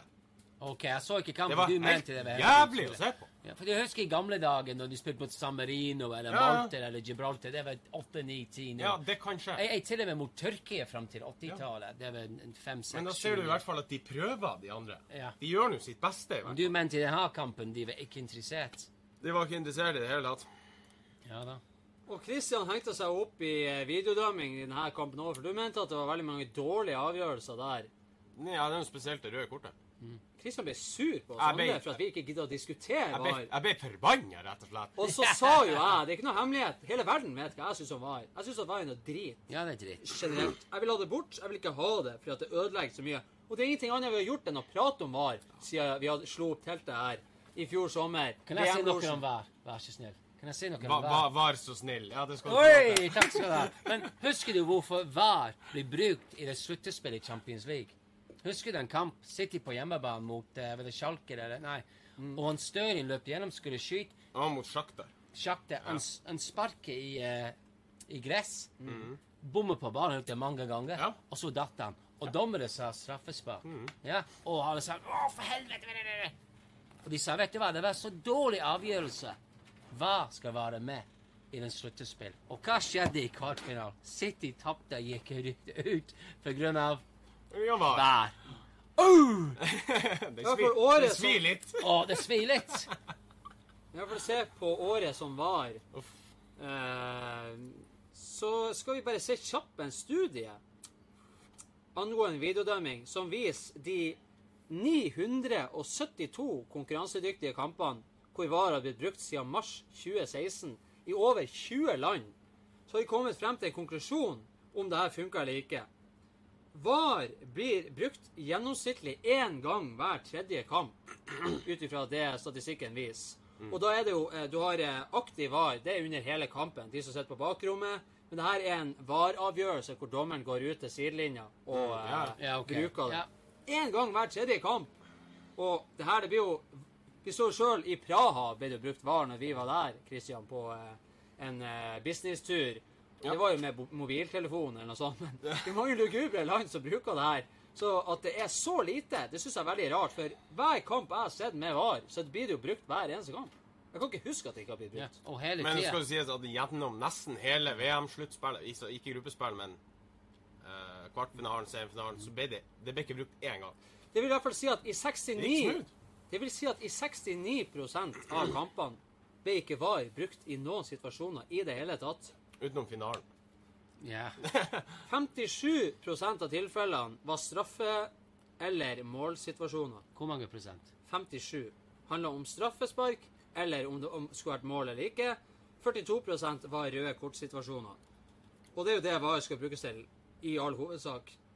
Og så er det det som er det store irritasjonsmomentet for veldig mange, er jo det med tidsbruk. Ja. Hvor mye tid bruker det her? Du, Og du det som kan er irriterende, det. er at de legger ikke Hvis du bruker tre minutter på en vareavgjørelse, det blir ikke lagt til tre minutter. Nei, absolutt ikke. Det er òg en ting de må Ja. gjøre noe med. Jeg syns jo det her er Så bare veldig begynn med aktiv spilletid. Jeg synes at det her er veldig merkelig, de tallene som kommer opp her. For også der opplever jeg ting litt grann annerledes når jeg ser kamper sjøl. Men gjennomsnittlig tidsbruk så bruker bakrommet Når bakrommet tar seg av en sak, og dommeren står sånn og holder seg til øret 35 sekunder per kamp totalt. OK? Ikke per avgjørelse. Nei, totalt. Ja, det er bare tøv. At dommeren går på sidelinja og bruker skjermen. 68 sekunder per kamp i snitt bruker de på det. Og da gjennomsnittlig totalt spilletid mista i snitt per kamp 55 sekunder mista man en kamp pga. VAR-bruken. Og da kan man sammenligne det opp mot andre ting. Hvis du ser på frispark i løpet av en kamp, der har du ni minutter som blir brukt av tida bare på frisparksituasjoner. Innkast har du sju minutter. Femmeter har, du- eh, har du nesten seks minutter. Cornerer bruker vi fire minutter. Og innbyttere bruker tre minutter. Og stjeler tid i løpet av en kamp. De som går av banen. Sånn. Ja, du bruker det, ikke sant? Og da er spørsmålet er 55 sekunder så veldig ødeleggende flytende i fotballen. Men Nei, kanskje i, du ser det sånn, du, i fjor i Italia, når de begynte med VAR Jeg snakka med en som ser veldig mye italiensk fotball, og han sa at de fikk det jævlig godt til der. Du merka nesten ikke at det var der. Ok. Men det er jo nå når det er kommet på litt større arena, VM og Champions League og Premier League og alt mulig drit De vet jo ikke hvordan de skal bruke det. Nei, de blir nervøse. Ja. Det er mennesker. Kanskje det skal være robot. Kanskje det skal være Men i Italia så vet de hvordan de skal bruke det. Da bruker de kort tid på det. Du merker ikke at det er der engang. Så kanskje etter hvert at det blir bedre. Ja, men hvis de har fått det til, og det fungerer fabelaktig, ja, de må bare bruke den italiensk måte å bruke hva da? Det er for, at, do- er for dommerne alltid de vet hvordan ting fungerer. Men jeg mener de som sitter her og tar en avgjørelse, de skulle ikke være mennesker. De skulle være basert på statistikk, og de skulle være en robot. For, nei, hvis, hvis ikke det blir sånn objektiv eller sånn subjektiv, den gode eller den dårlige, jeg skreier ikke husk hva det er. Nei, Det- det, det- blir- de det blir objektivt, som regel blir jo, eh, Det blir jo rette avgjørelser uansett hvem det er for. I hvert fall før vi brukte VAR, så Nei, hadde ikke hvis det er mot ditt lag. Jo, men det er jo rett, selv om jeg mener at det er feil. Så er det jo rett avgjørelse. Nei, jeg er uenig. Ja, du er uenig. Ja, fordi du kunne dra det tilbake til noe som skjedde for 15 sekunder før, ikke sant? Hvor ofte har det skjedd? Jeg vet det skjedde i Frankrike en gang. Og Det skjedde og det skjedde med Tottenham-skåret mot City når Aguero var offside 45 minutter før Stirling skåret. Så gikk de tilbake, tilbake, tilbake. Han var offside. Og han var offside. Han sin fort var offside. Det skjønner jeg godt. Men hvis den mål Hvis de ville gitt City det mål Tottenham klager ikke. City jubler. Tottenham-supportere de tenkte ja, det var et mål. Men når de tar det tilbake de, Og vet du hva? Han var offside Det for- burde for være- 15 sekunder siden. Det burde være Jeg grenser på det der. Ja. Det burde det være, mener jeg. Sånn der kan ikke fotballen være. Hvis fotballen blir sånn, så gidder ikke jeg å se på fotballen. Nei. Hvis det skal være sånn at Hvis jeg skal løpe til min kjøkken, ta ut fra kjøleskapet en ny øl, drikk, begynne å drikke den øl, og så får jeg beskjed det er ikke mål. Ja. Nei takk. Det, det ødelegger spontangleden. Det har vi jo sagt før, og det er helt jævlig. Plutselig en selvmordprosent kommer er, til å gå sånn, opp. det er sånn når Liverpool har skåra gjennom Champions League nå, og det har vært det sånn Jeg tenker på ja, det, det kan jo hende også. Jeg jubler ikke. Jeg bare sitter der. Ja, nemlig. Jeg sitter der, og så, er det, Ja. og så får jeg avgjørelsen det er mål, og så er det sånn Yes. Det er ikke noe jubling og hopping i stua. Du kan ikke. Og, Og det kommer til å være nå. Det er litt kjedelig å ikke tørre å feire. Ja, jeg det tør ikke å feire. Ja. Du, du, du tør ikke å tro at noe godt skjer i livet ditt. Nei. Det blir litt sånn ja. Og, og hvis du Og så var jo psykolog... eh, eh, oh, Det er jo helt jævlig. ja. Psykologpengene de stiger til For jeg si ser det som hvis jeg har bodd i en høyblokk når den City-målet er annullert mot Tottenham Jeg vet ikke. Jeg ville ikke vært der i dag. Den medaljen ville ikke vært her på jakken min. I hvert fall, Nei. før VAR videodømming ble, eh, kom inn, så hadde dommerne 93 korrekte avgjørelser. Etter at man har eh, analysert 972 kamper med videodømming, så har tallet steget til 98,8% Hvordan kan ikke det være 100, da? Det går jo ikke an at det blir 100. Én feil avgjørelse gjør at det ikke blir 100. Men at de uten VAR lå på 93, det er bare tull. I hvert fall i en Det er Liverpool-kamp. bare I hvert fall i en Liverpool-kamp. De ligger på 45. Prøv å være- Jeg har aldri prøv å være sett litt så mange. her. Jeg er veldig nøytral. Jeg er bare Ikke litt engang. Og gi han David litt igjen, eh, når han ikke er i Champions League-finalen. Det har aldri vært heller idet det begynner å regne oppå eh, Nei, det har du, det har du ikke. Jeg gikk ikke Tottenham en heller. Ikke Tottenham f- før i dag. Det er det fjerde gang Liverpool er i Champions League-finalen i min levetid. Hvor mange ganger har City vært her? Null. Men skal jeg si noe om Champions Det er veldig bra du sa det. Champions League. Det er noen som vinner Champions League hvert år, ikke sant? Liverpool eller Tottenham i år. Neste år det blir Jeg vet ikke. City må jo ta det en gang. Ja, det- de må jo ta det det. er hvem som vet. Ja. Men det som City har gjort i år, med å vinne hvert eneste pokal i England, har Ja. aldri vært gjort før i historien. Og vet du hvor mye medier jeg skrev om det i England? Uh-uh. Forresten, City har vunnet ganske mye. Nå skal vi snakke om Champions League. Og det, det, det er skammelig Det er skammelig. Ja, men Eller legendekampen til United. Men det er jo også Ja, til og med ja, den legendekampen til United, Ja. det var på hvert eneste Å, se her! Wow, wow, wow! Beckham er norske medier, det var så vidt de skrev om det, og det er jo ganske trasig. Det var sånn City hadde vunnet eh, Premier League, det var så, sånn her lite bilde, og så var det at han Solskjær hadde tapt mot Cardiff. Det var sånn fem Ja. artikler igjen. Men eh, så, jævlig. Forferdelig. så at å vinne Jeg følger med det. Ligacup. FA-cup, Premier League pluss Community Shield. Det var en pokal. Jeg så det på bussen når vi kjørte rundt byen med 500 000 mennesker. Det blir ikke regna som en pokal, men jeg mener det er en pokal. Det er er Jeg jo så det på bussen, så det måtte være det var noe der. Det holdt ikke sånn frisk luft. Sa gjorde da. Ja. Og det, vet du hvor, hvor, mye, er blitt skrevet om i England? Veldig lite. Mm. Så nå vinner Champions League hvert år, men det som sitter i gjorde Wow! Ja, Det var så det Skal er vi spørsmål. en skål for Manchester City? så Skål! Eh. Takk skal du ha. Trond Solstad skriver. Trond Solstad er skriver Du gjør det bra, David. Stå på. Han er enig med deg. Ja. Det er suverent. Vi tar med helt til slutt i eh, Oi, da sier du det, som er spalta om unyttig fotballkunnskap. Det tar vi med til slutt. Visste dere at Borussia Dortmund har fratatt billettene til 500 sesongkortholdere fordi de ikke møtte opp på minimum sju hjemmekamper denne sesongen? Ja, Det, det er jo på sin plass, det. Oh. Da er du ikke ute etter å tjene penger, tydeligvis. Nei, de, Det er bra ting. de er ikke ute etter å tjene Det koster 150 kroner for De et ikke møtte opp på hvor mange? Sju. Mindre enn sju kamper. Hvis du, ja, men hvis du møter opp på mindre enn sju hjemmekamper med sesongkort, få det bort. Noen andre fortjener hadde det. som skjønt det, møter opp på jeg hver hadde skjønt det hvis du, eh, Og hvis du selger det. Og så så de som har masse penger i Borussia Dortmund. Jeg tipper de har en del av eh, stadion hvor de med penger sitt. De som kom ut 15 minutter under kampen fordi Ja. de spiste og drukket champagne. Ja. Hvis de ikke kom ut, ikke sant, før kampen har gått 15 minutter, eller andre omgang har spilt 15 Da burde de minutter de de, skulle, de skulle ikke bare ta brett fra deg, de skulle bli tatt ut mot en vegg i god tysk eh, tradisjon og skutt. Men det er Det er bare en min måte å gjøre mening. det på. Vi, Jeg, eh, jeg skjønner hva du mener. Ikke like drastisk. Jeg er enig. Ikke, ikke at de skal skytes, men jeg er enig i at de, noe burde gjøres. Jo, jeg syns det er ganske urettferdig mot dem. De kan ha ting som har skjedd i livet sitt, Ja, og ja. Dortmund har gjort det for å se hva tyske, fot se her, tyske fotballsupportere er det beste i hele verden. Reis til helvete.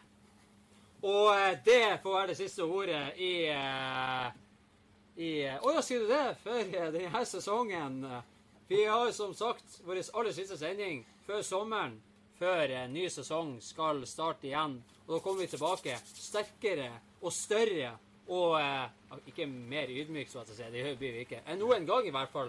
Men vi skal i hvert fall avslutte denne sendinga. Vi skal se litt på eh, de ryktene og overgangene og ting som vi kan se frem til når eh, sommeren eh, begynner å nærme seg. Eller i hvert fall Det starta jo etter dagen i dag, når Champions League-finalen er over. Da starta jo eh, Ja, Hvis ikke vinner i oppkjøringa dag, så blir ikke jeg se frem til noen ting. med kjøp av spillere og alt det der. Vi skal gå en eh, tur innom eh, Ikke tro på alt du hører.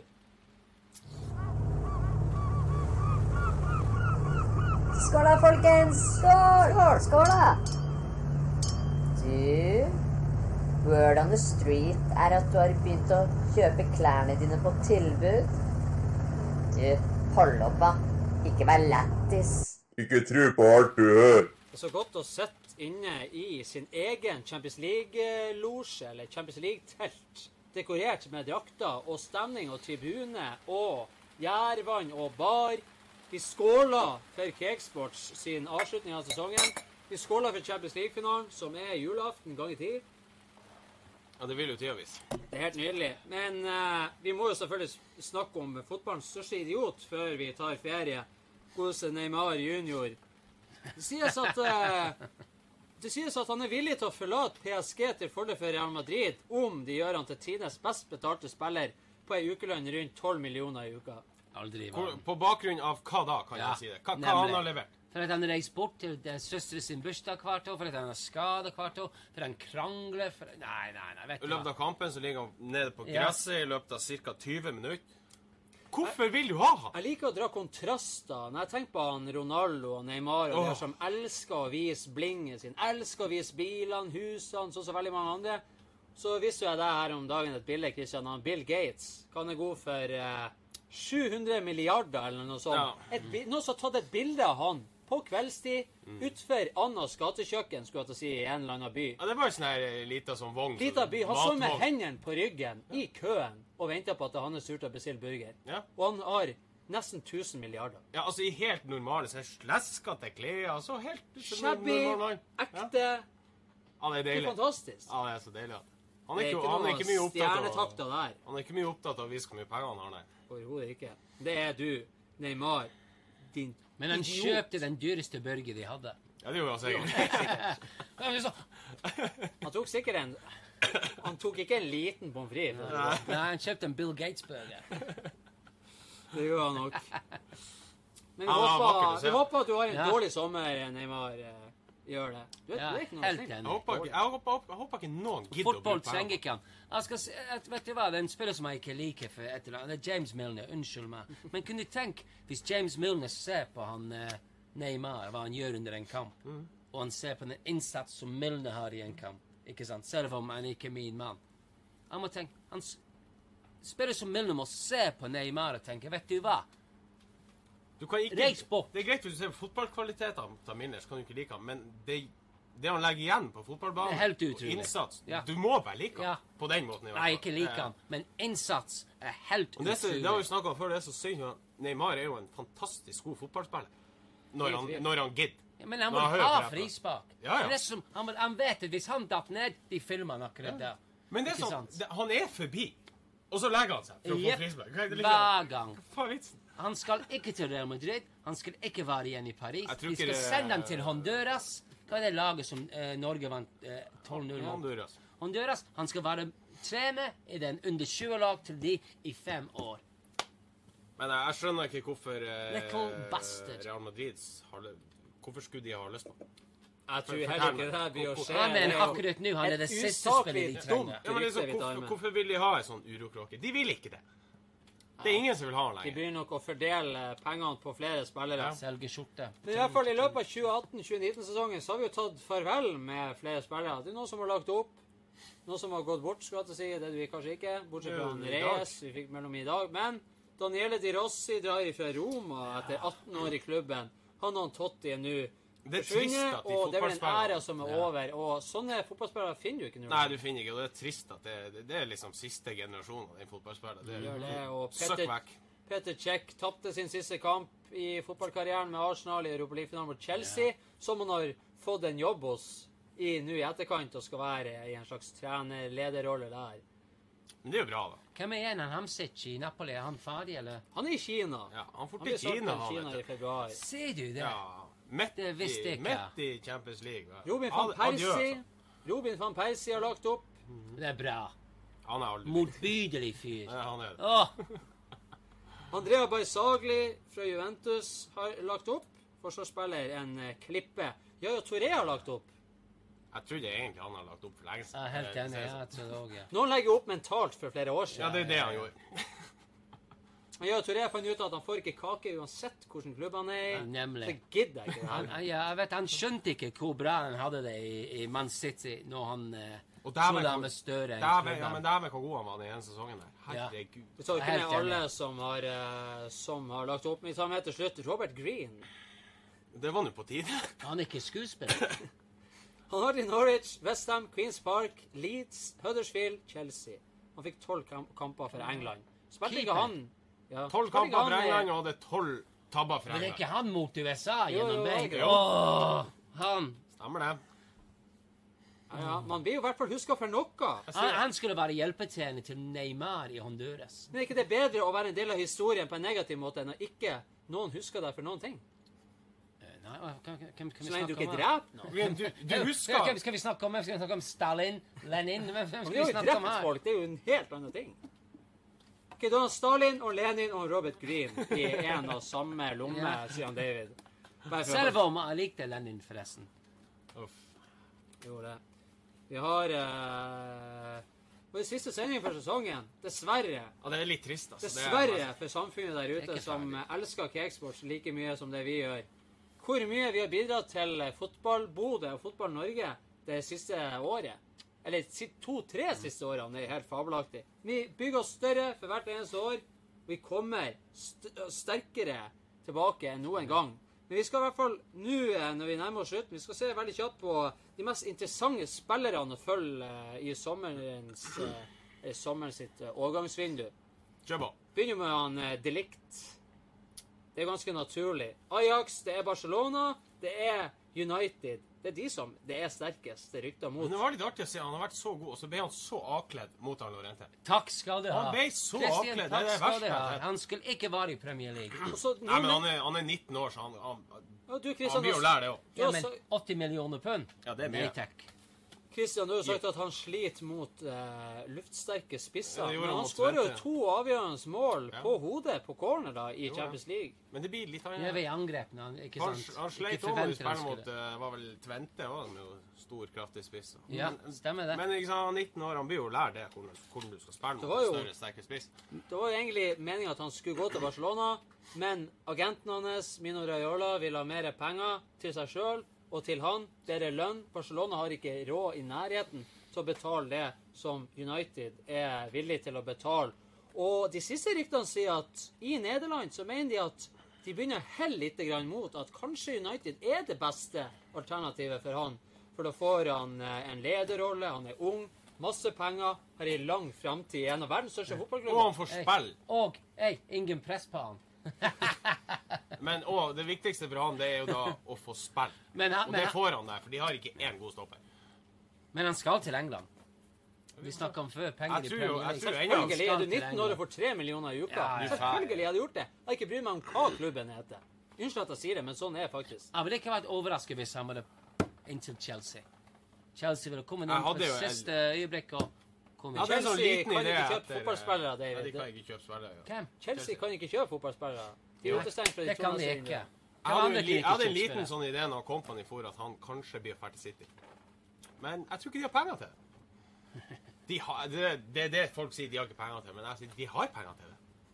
At han Company skulle Ja, når han Company for, så tror jeg de likte å Åh, bli gått Kompany. City. Sånn, ja. For, kan vi ta en skål for Vincent Company, var ikke snill? Det kan vi gjøre. Company Han har ikke, Ikke lagt bare- opp, men eh, han har jo egentlig det siden han har gått til andre. Det er ikke andre bare det han har gjort i Man City, det som har vunnet, ikke sant? Og han koster bare 8 millioner pund. Ja. Men det som har gjort i lokalsamfunnet i Manchester for å hjelpe Han er en god mann. folk. Han er, folk, han er ja. en god mann, folk. Det var det jeg lurte på. Jeg vet ikke om du vet det her. Stilte spørsmål forrige sending. Han er, skal spillende trener. Ja. Hvis han da får sparken som trener, er han fortsatt spiller? ja. Det er jo et godt spørsmål. Veldig Ja. godt spørsmål. Jeg tror ikke engang Er det noen altså. som vet det? Så du kunne sparke han som trener, men han er beste midtstopp på de her? Ja. ja. Jeg tror, ikke de, jeg tror ikke de sjøl vet det. Jeg tror, jeg tror de måtte ha de tenker etterpå. på det. Jeg tror han sjøl måtte ha sagt eh, Hvor står vi nå? Ja. Jeg, jeg, jeg, Det står er sikkert ikke i kontrakten engang. og hvem er den siste som spiller trener? I, er- det i 90-tallet? Useriøst. Det er useriøst, spør du meg.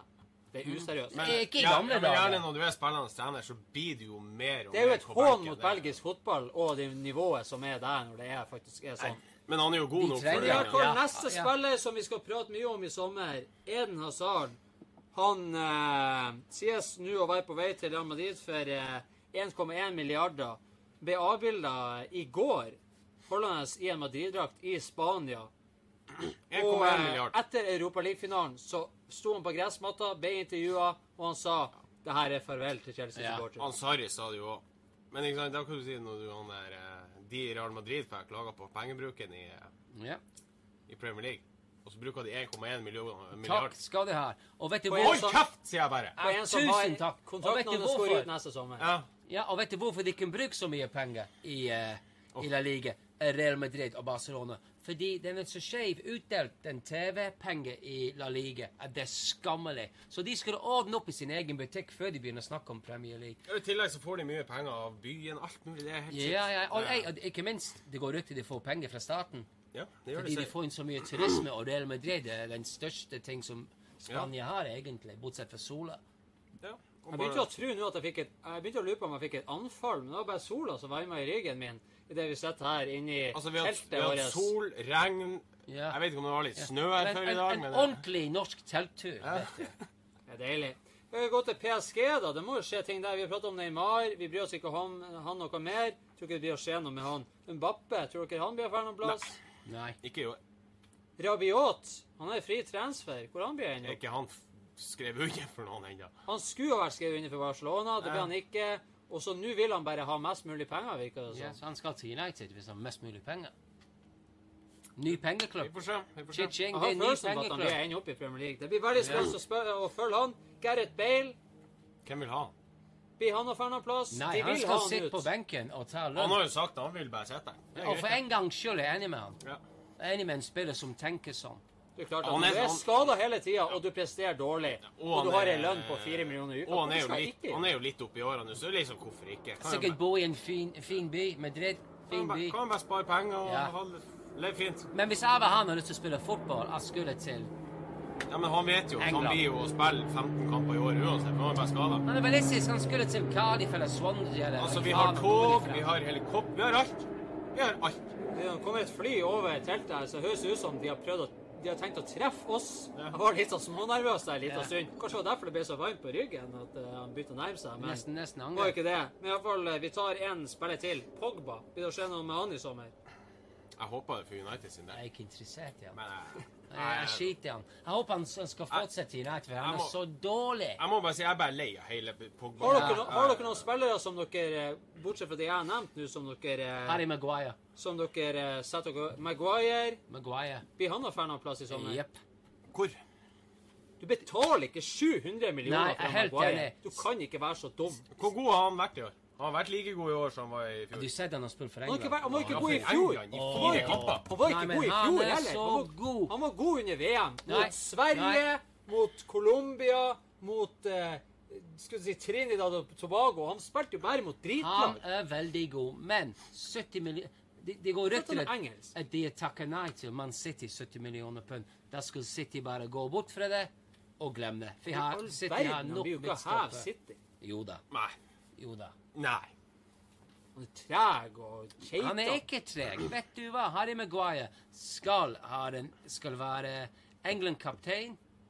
Nei, Harry Kane. Ja, det blir han ikke. Ja, okay, da. Kom, med Men han skal være Englands beste, mest viktige i de neste fem år. Harry Kane. Nei, hell. Maguire. Leroy Sané. Bayern München skal ha fått avslått et bud på 70 millioner pund. 60 millioner pund. Sa han seg villig til å bare dra hjem til Tyskland? Jeg mener jeg leste det. han. Takket nei til ny kontrakt tre ganger. Vi forbedrer tre ganger. Han vil ha 1,5 i uke. Og akkurat nå City sa du må, du må vise oss litt mer egentlig. En halv god sesong. Kom igjen, Leroy. Men de rykter er at han tilbake til Tyskland. Ja. Ja. Han får ikke 1,5 der. Men nei. Og han eh, Jeg syns det er motbydelig, motbydelig forresten, måten de, de, de har gjort det, eh, Bayern München og Tyskland, med landslagstrener og direktør og trener. Ja, hvis du har lyst til å spille for Tyskland, eh, landslag, kom hjem. Ja, hvis du har lyst til å bli bedre, kom hjem, kom hjem. Tenk hvis City eller Liverpool hadde gjort sånn mot et, et annet spill i Men altså utenlands. Det er skammelig Men det som frister der, det jeg kan forstå som frister, er jo at du har Bayern München, en av de største klubbene i verden. Du spiller i City, du får spille mindre der nå. Du kommer til Bayern München, som er et generasjonsskifte. Riberi fær, Robben fær, Kingsley Coman, mye skader. Jeg- Eh, ikke helt der oppe. tror han blir enig enda får han sjansen for å være en av de største klubbene i verden, og han får lov til å spille hvert sekund. Og han får lov til å snakke tysk hver Ja, dag. men du må bo i Tyskland. Du har vært sjøl i München. Nei, sånn, er, det- er, det, er det verre Berlin, det er ganske Berlin, festlig. du, Hamburg, er, er det verre å bo der enn i Manchester? Er det det du Manchester er den fineste byen i verden. Du aner ikke. Det, det, det er så fantastisk by. Men Leroy Sané er Han han, som eier Bayern München, han sa vi skal aldri betale mer enn 70 millioner pund for en, eh, en, eh, en 23 år gammel gutt. Så vi skal gå inn, og hvis City sier nei, er vi ferdig med det. Nå er de gått inn med 70 millioner pund, og City har sagt nei takk. Skal vi ser se se. hvis de kommer tilbake nå. Forresten, han tyske direktør, han som er nettopp kommet ut av fengsel for uh, hvitevaskepenger Han samme fyr som, uh, som han er i La Liga, som prater bare dritt om, om Premier League. Så Man City skulle si nei, vi skal ikke selge han. Leroy Sané, du har en fantastisk fremtid i det verdens beste fotballklubb akkurat nå. Du skulle være her, du er bedre enn Mares, du må bare vise det. Jeg liker at han David flirer når han prater om egen fotballklubb. Det er jo sånn eh, Litt sånn flirer han sa verdens beste fotballklubb. Da, ja, da han. David han merker dagen i dag så mye som han kan. Det er Champions League-finale, og den skal vi feire Og. City er ikke der. Det er det viktigste. Det er to engelske lag, men det er Så ikke han City. får lov å prate Men, men hva vil vi gjort med den pokalen? Vi har ikke plass til en ny pokal. Dere har jo mista den òg nede i bakken. Vi har det, så hadde dere jo vært er Premier League. Det. Vi har ikke plass til en ny. Ok, Den er skapet er fullt. Sånn, uff, du får ikke den der medaljen. Jeg ringte dem nå og sa kan du ta den medaljen i skapet. De sa nei, det er ikke plass. Er du festlig. Det I hvert fall, vi tar helt til slutt managere man kan følge med i sommer, og klubber som trenger managere. For vi har jo nå fått Antonio Conte blitt klar for Inter Milan. Det blir spennende å se om Inter Milan klarer å komme seg opp på et litt høyere nivå og utfordre til skudettoen i Serie A. Maurizio Sarri, som sagt, blir linka til Juventus. Det er en ledig jobb der etter at Allegri har takka for seg. Allegri. Allegri eh, skal enten ta et friår eller likes mot en mulig Bayern München-jobb eller en mulig Barcelona-jobb. Får se hva som skjer der. I hvert fall Juventus og Roma og AC Milan står nå uten manager.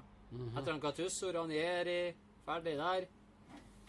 Så det kan bli interessant å se. Bayern München de vant altså the double. De vant cupen, hjemlig serie, men allikevel Niko Kovac Det brenner under føttene på han fordi at som sagt, de spiller ikke noe fantastisk bra og overbevist veldig lite.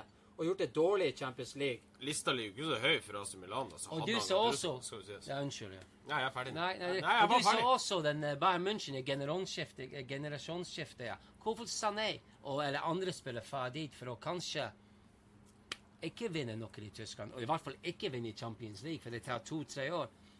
Han må bestemme seg, Sané, og som andre spillere må bestemme seg. Og han mener de er opptatt med først og fremst med Lund, det vet vi, men pokaler. Ja, noen driter i det òg. Anne-Lene Solberg Ja, Gaskill hun skriver at han, eh, Leroy skal ingen plass. Det er hennes mening. Og da er vi kommet til veis ende i vår eh, aller siste sending for sesongen og Champions League-finale spesiale, som vi har valgt å kalle den. Det er episode 41. Vi har sittet her i 55 timer omtrent. Vi runda ned til 54 timer har vi sittet her i året som har gått, eller sesongen som har gått, i hvert fall. Og vi har hatt det helt fantastisk artig. Vi har sittet i baren, vi har prata mannskitt, vi har prata veldig klok og konkret Mannskitt. mannskitt om fotball. Og det som fotballen har å by på. Alt det usaklige, alt det saklige. Vi har vært ærlige i meningene og uh, ærlige i våre uttalelser. Og det er det vi ønsker å gjøre, og det er derfor vi har Cakesports Live. Vi ønsker at samfunnet skal ha noen uh, trubadurer der ute til å være en stemme for dem, og fortelle hvordan ting skal være i fotballen, og hvordan den burde være, ikke minst. Vi tar en skål, Det gjør vi. gutta. Oraklet kommer inn. Jeg er tom. Oraklet kommer inn. Nei, jeg, jeg klarer meg. Jeg har en liten skvett her. Skål. Samtidig så må vi takke han David for hans eh, Han hadde tro tjeneste nå i eh, halvannet år Ja. i eh, Cakesports Live. Og eh, kanskje vi ser han igjen. Ikke med det første, i hvert fall. Han fikk i hvert fall en medalje med der. Takk han David for at han har vært en eh, en hærfører for negativitet og eh, angående City og alt eh, som har med Fifa og Uefa og fotball generelt. David, han, han, han, bare blør for å hate fotball like mye som han elsker det. Og det, det får bli siste ordet av Cakesports Live i 2019. Takker for alle som har fulgt oss, alle som har sett på. Takk for oss, og Vær så adjø.